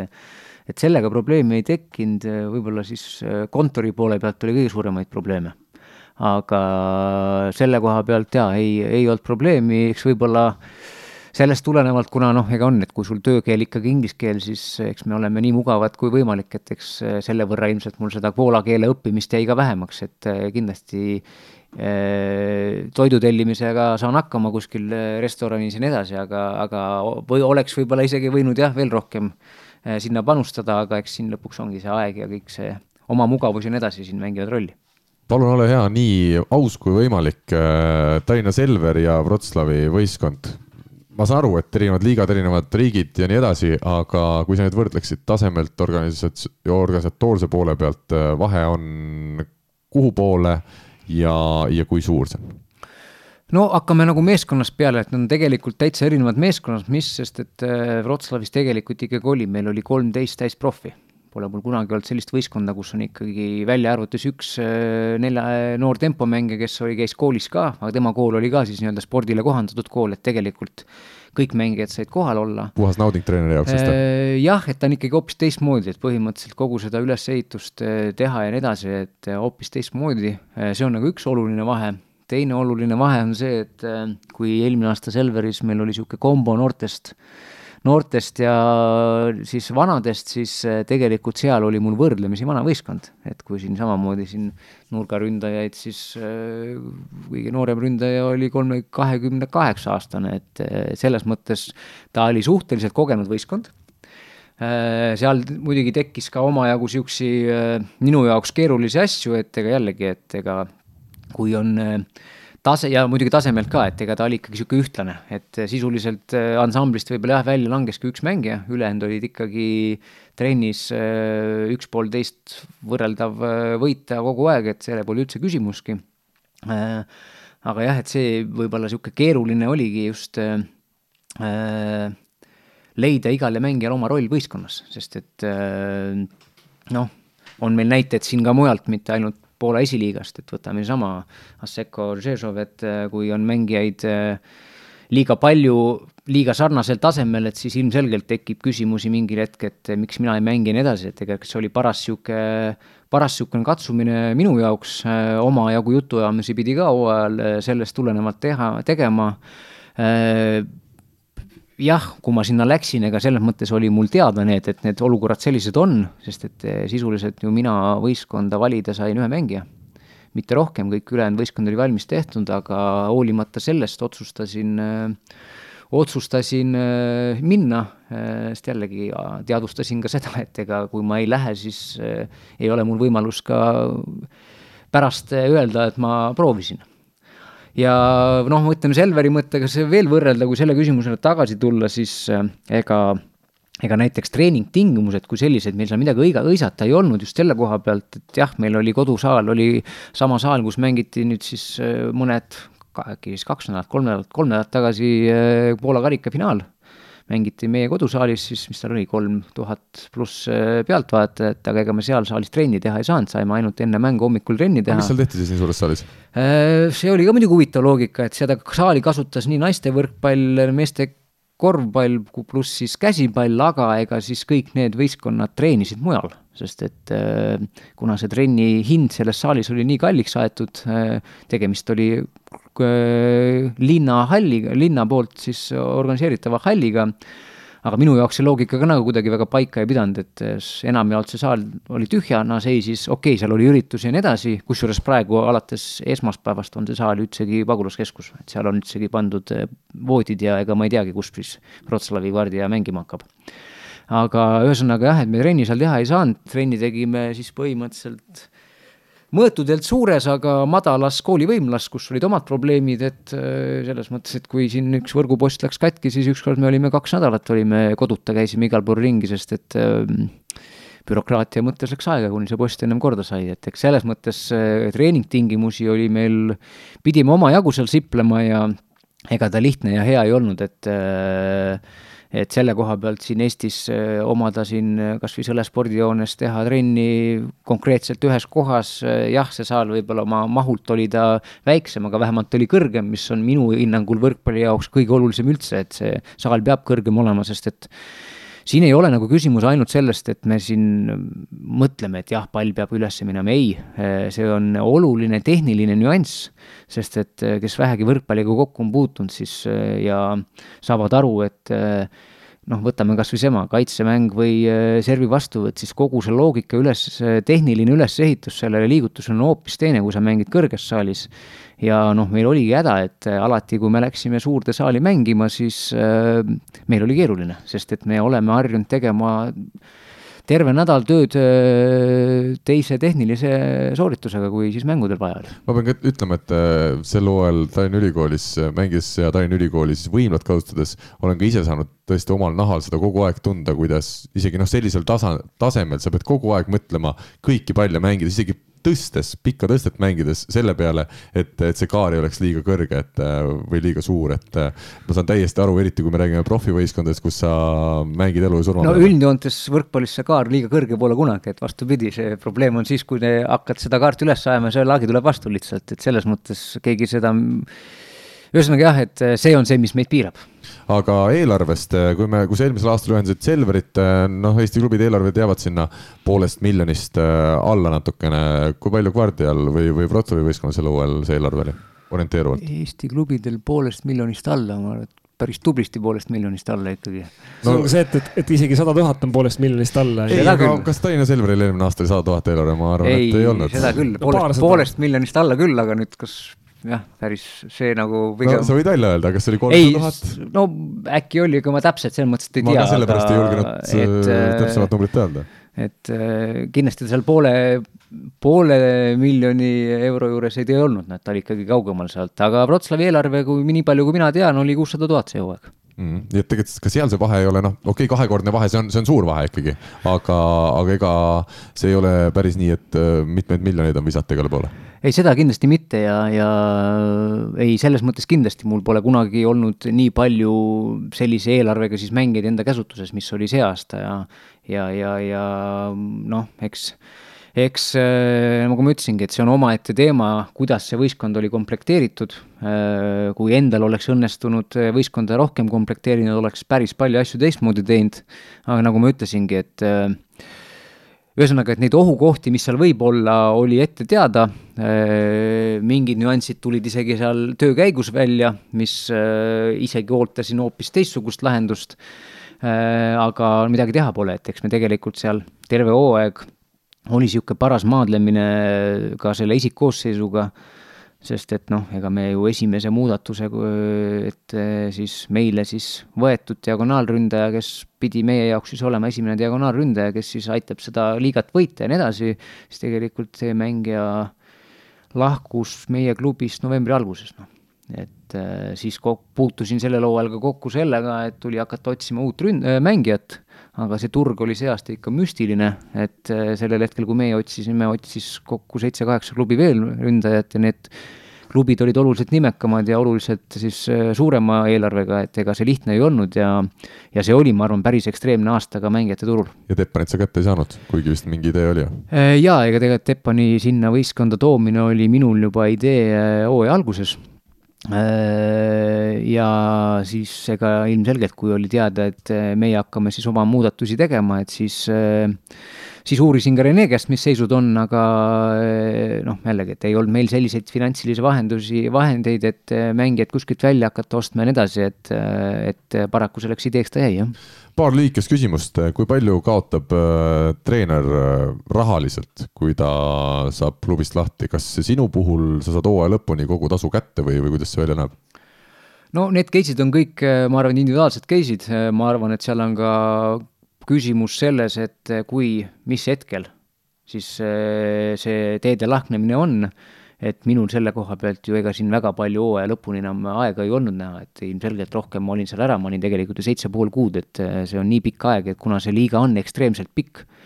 sest et tegelikult see liiga on ka, ma arvan, minu, äh, minu teada on see liiga kõige suurem liiga üldse Euroopas, seal on kuusteist võistkonda ja võib-olla ma isegi tegelikult selle peale nagu minnes ei suutnudki nagu seda nii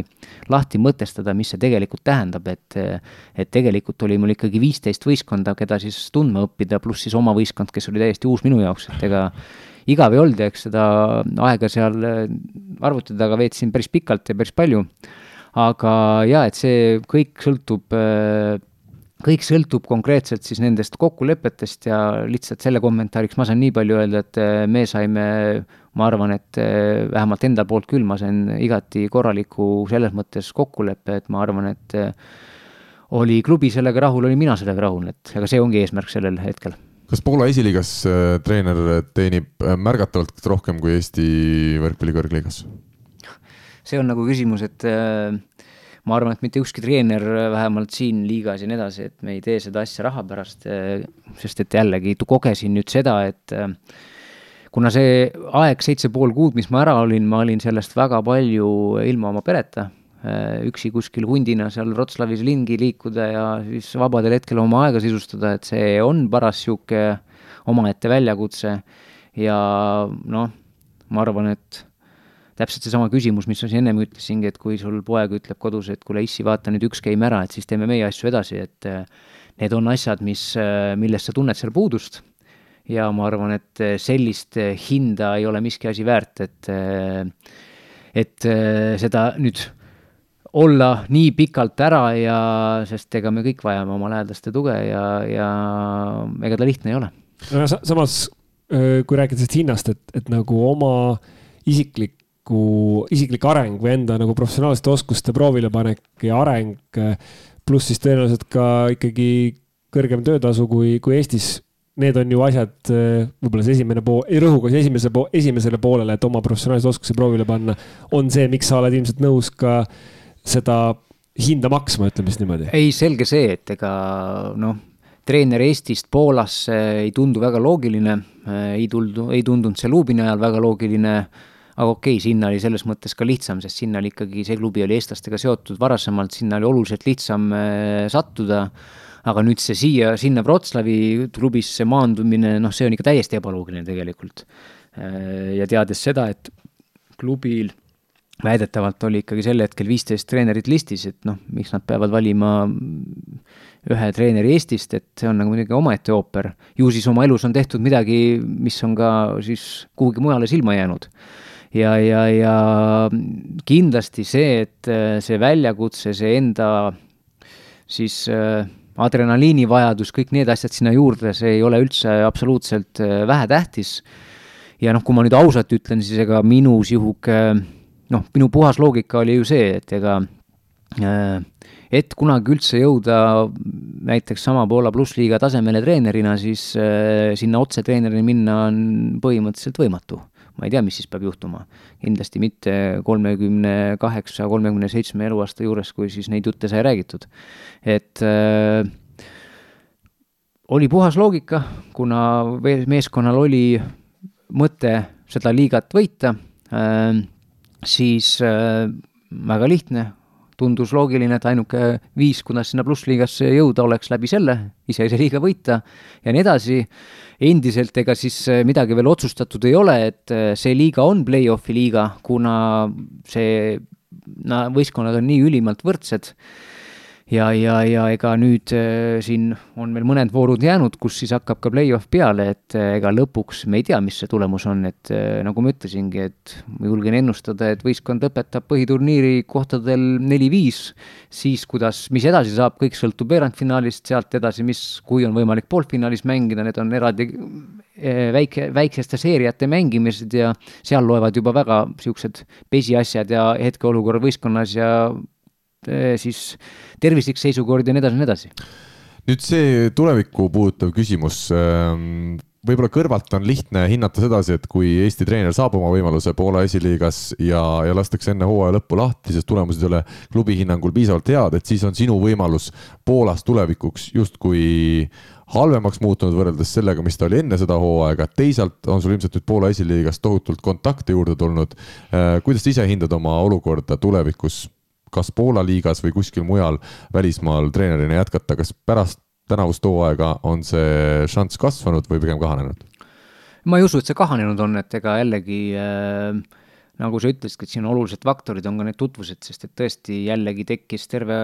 hooaega ridamisi mängijad, kellega sai koos saalis oldud, kelle vastu mängitud, ega noh,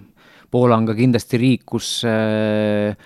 väga palju infot levib väga palju infot levib ja ma arvan ka, julgen öelda, et ega mis siis, et meie teed läksid laht-, lahku, aga ma arvan, et mul on päris palju ka positiivseid kontakte oma võistkonna sees, kes tulevikus oskavad mingil hetkel siis midagi öelda, kui neilt küsitakse ja nii edasi, et et ma ei usu, et see on kahanenud või ütleme siis niimoodi, et ilmselgelt äh, ainult Eestis olles on äh, on see tõenäosus kuhugi mujale jõuda väga-väga palju väiksem kui see, et käiagi eh, välismaal ennast siis näidata, vahet ei ole, ega mingit hetkedel läheb hästi, mingitel hetkedel halvasti, ega see on osa meie tööst ja noh, lõpuks ma arvan, et eh, Rainer Vassiljev ei ole kõige tummisem nimi, mis siin näiteks Poola liigat, liigades siin kokku on sellel hooajal ka treenereid vahetusi tehtud, et äh, siin on äh, noh, võtame sama Asseko Rešovia näide, et kus äh, tullakse EM-ilt koondise juurest ja ei lähe väga kaua aega, kui on see käik toimub ja nüüd omadega on jõudnud olümpiaakuse juurde välja, et ega selles mõttes see on üks osa sellest tööst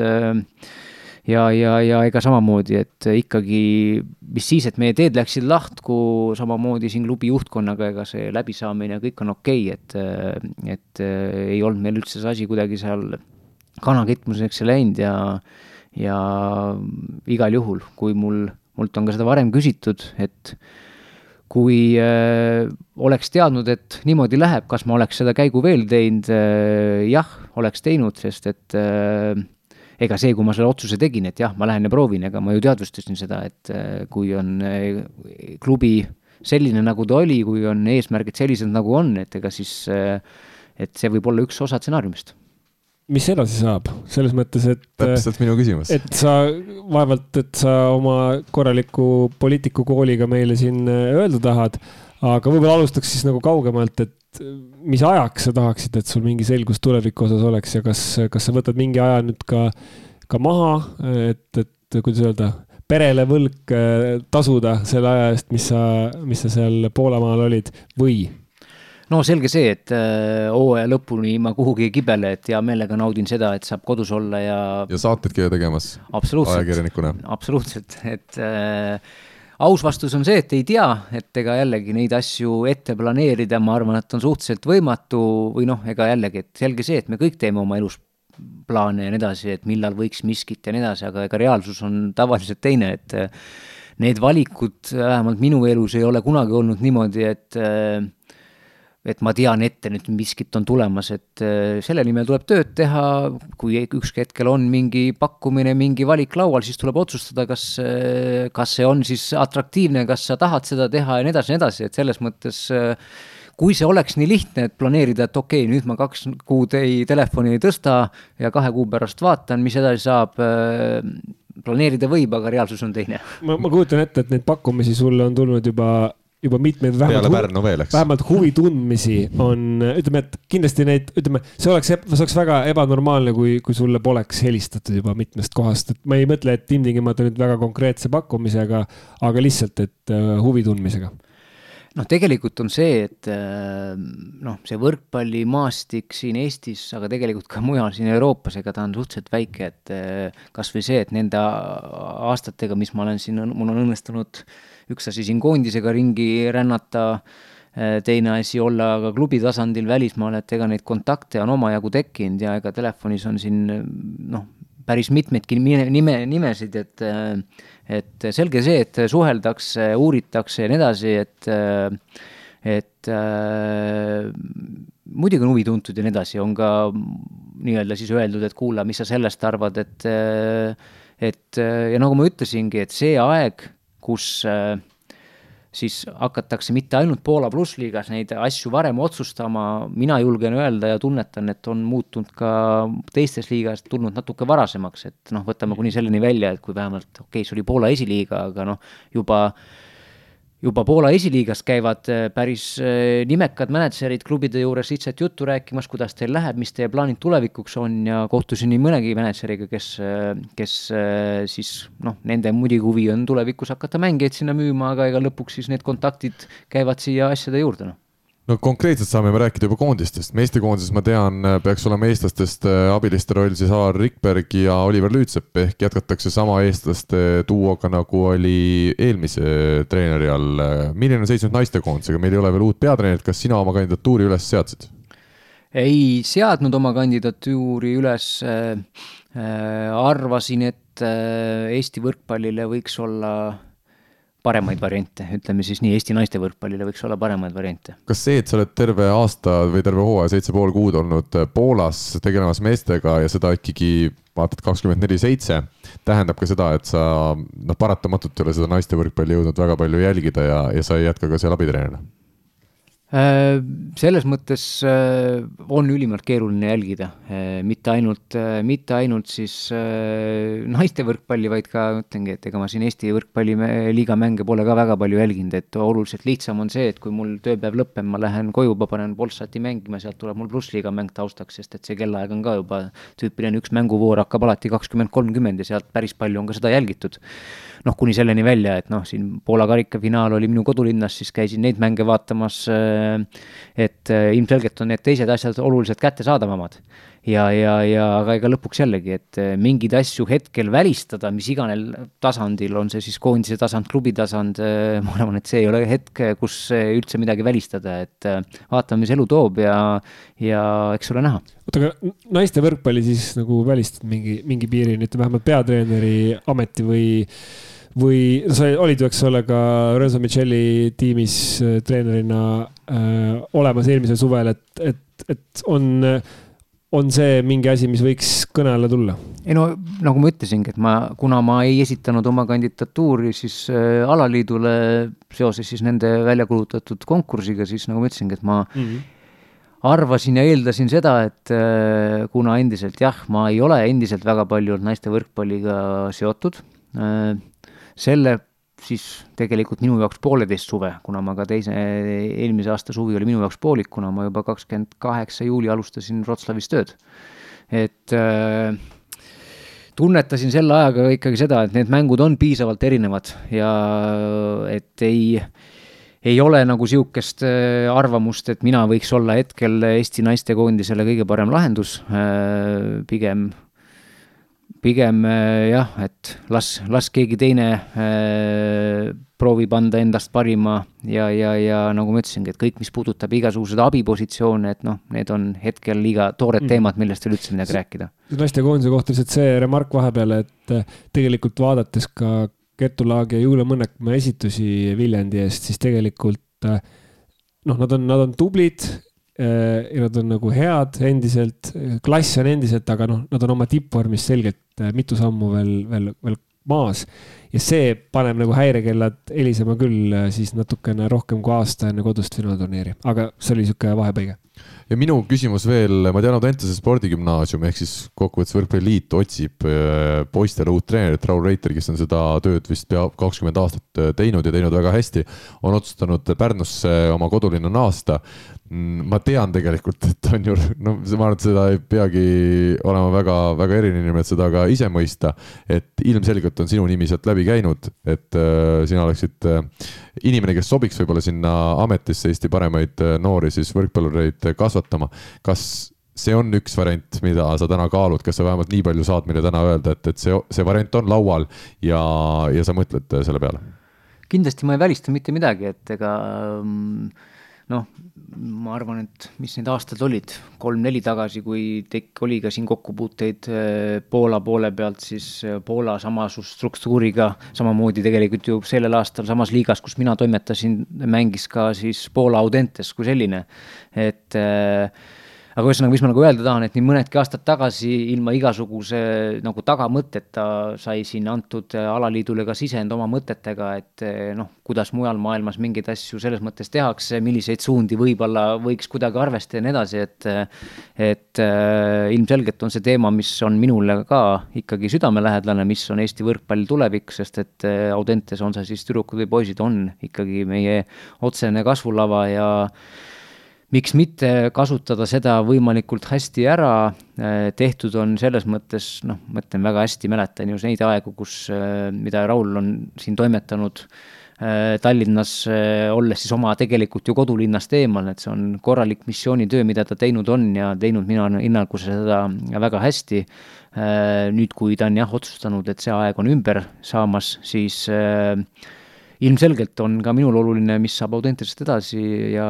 et sinna siis oleks võimalikult hea lahendus. minu soov ja lootus on see, et äkki õnnestuks järgmisel aastal, mulle tundub, seal on praegu juba päris äh, head poisid peal, kes ka järgmisel aastal koolis õppimist jätkavad. et panna kokku nüüd sealt just üks lisavõistkond meile meistriliigasse, tuua võib-olla üks-kaks täiendust kuskilt vanemate meeste näol, kui on korralik treener ka olemas, siis ma ei näe ühtegi põhjust täna, miks sellise tasemega Eesti meistriliigas, nagu ta sel hooajal on olnud, et ei, ei võiks olla Audentes mängimast, isegi kui nad ei saa seal väga palju võite, siis ma arvan, see võiks olla selline huvitav ja, ja hea käik. no see on omaette teema, et ma arvan, et sellest võiks omaette veel tund aega siin rääkida, et äh, minu hinnangul need asjad võib-olla nii lihtsad ei ole, et siin peab olema väga korralik taust taga ja nii edasi, aga, aga nagu ma ütlesingi, et see on omaette, täitsa omaette teema. ja ma usun, et meil on saateid tulemas Mihkel, ma tean, et ka järgmine nädal on tulemas jälle seitse päeva, jälle mängitakse võrkpalli, jälle on meil mikrofonid siin mingil hetkel olemas. ma arvan, et äh, neid teemasid me jõuame arutada. kõik on võimalik, ma tahaks muidugi ühe Poola teema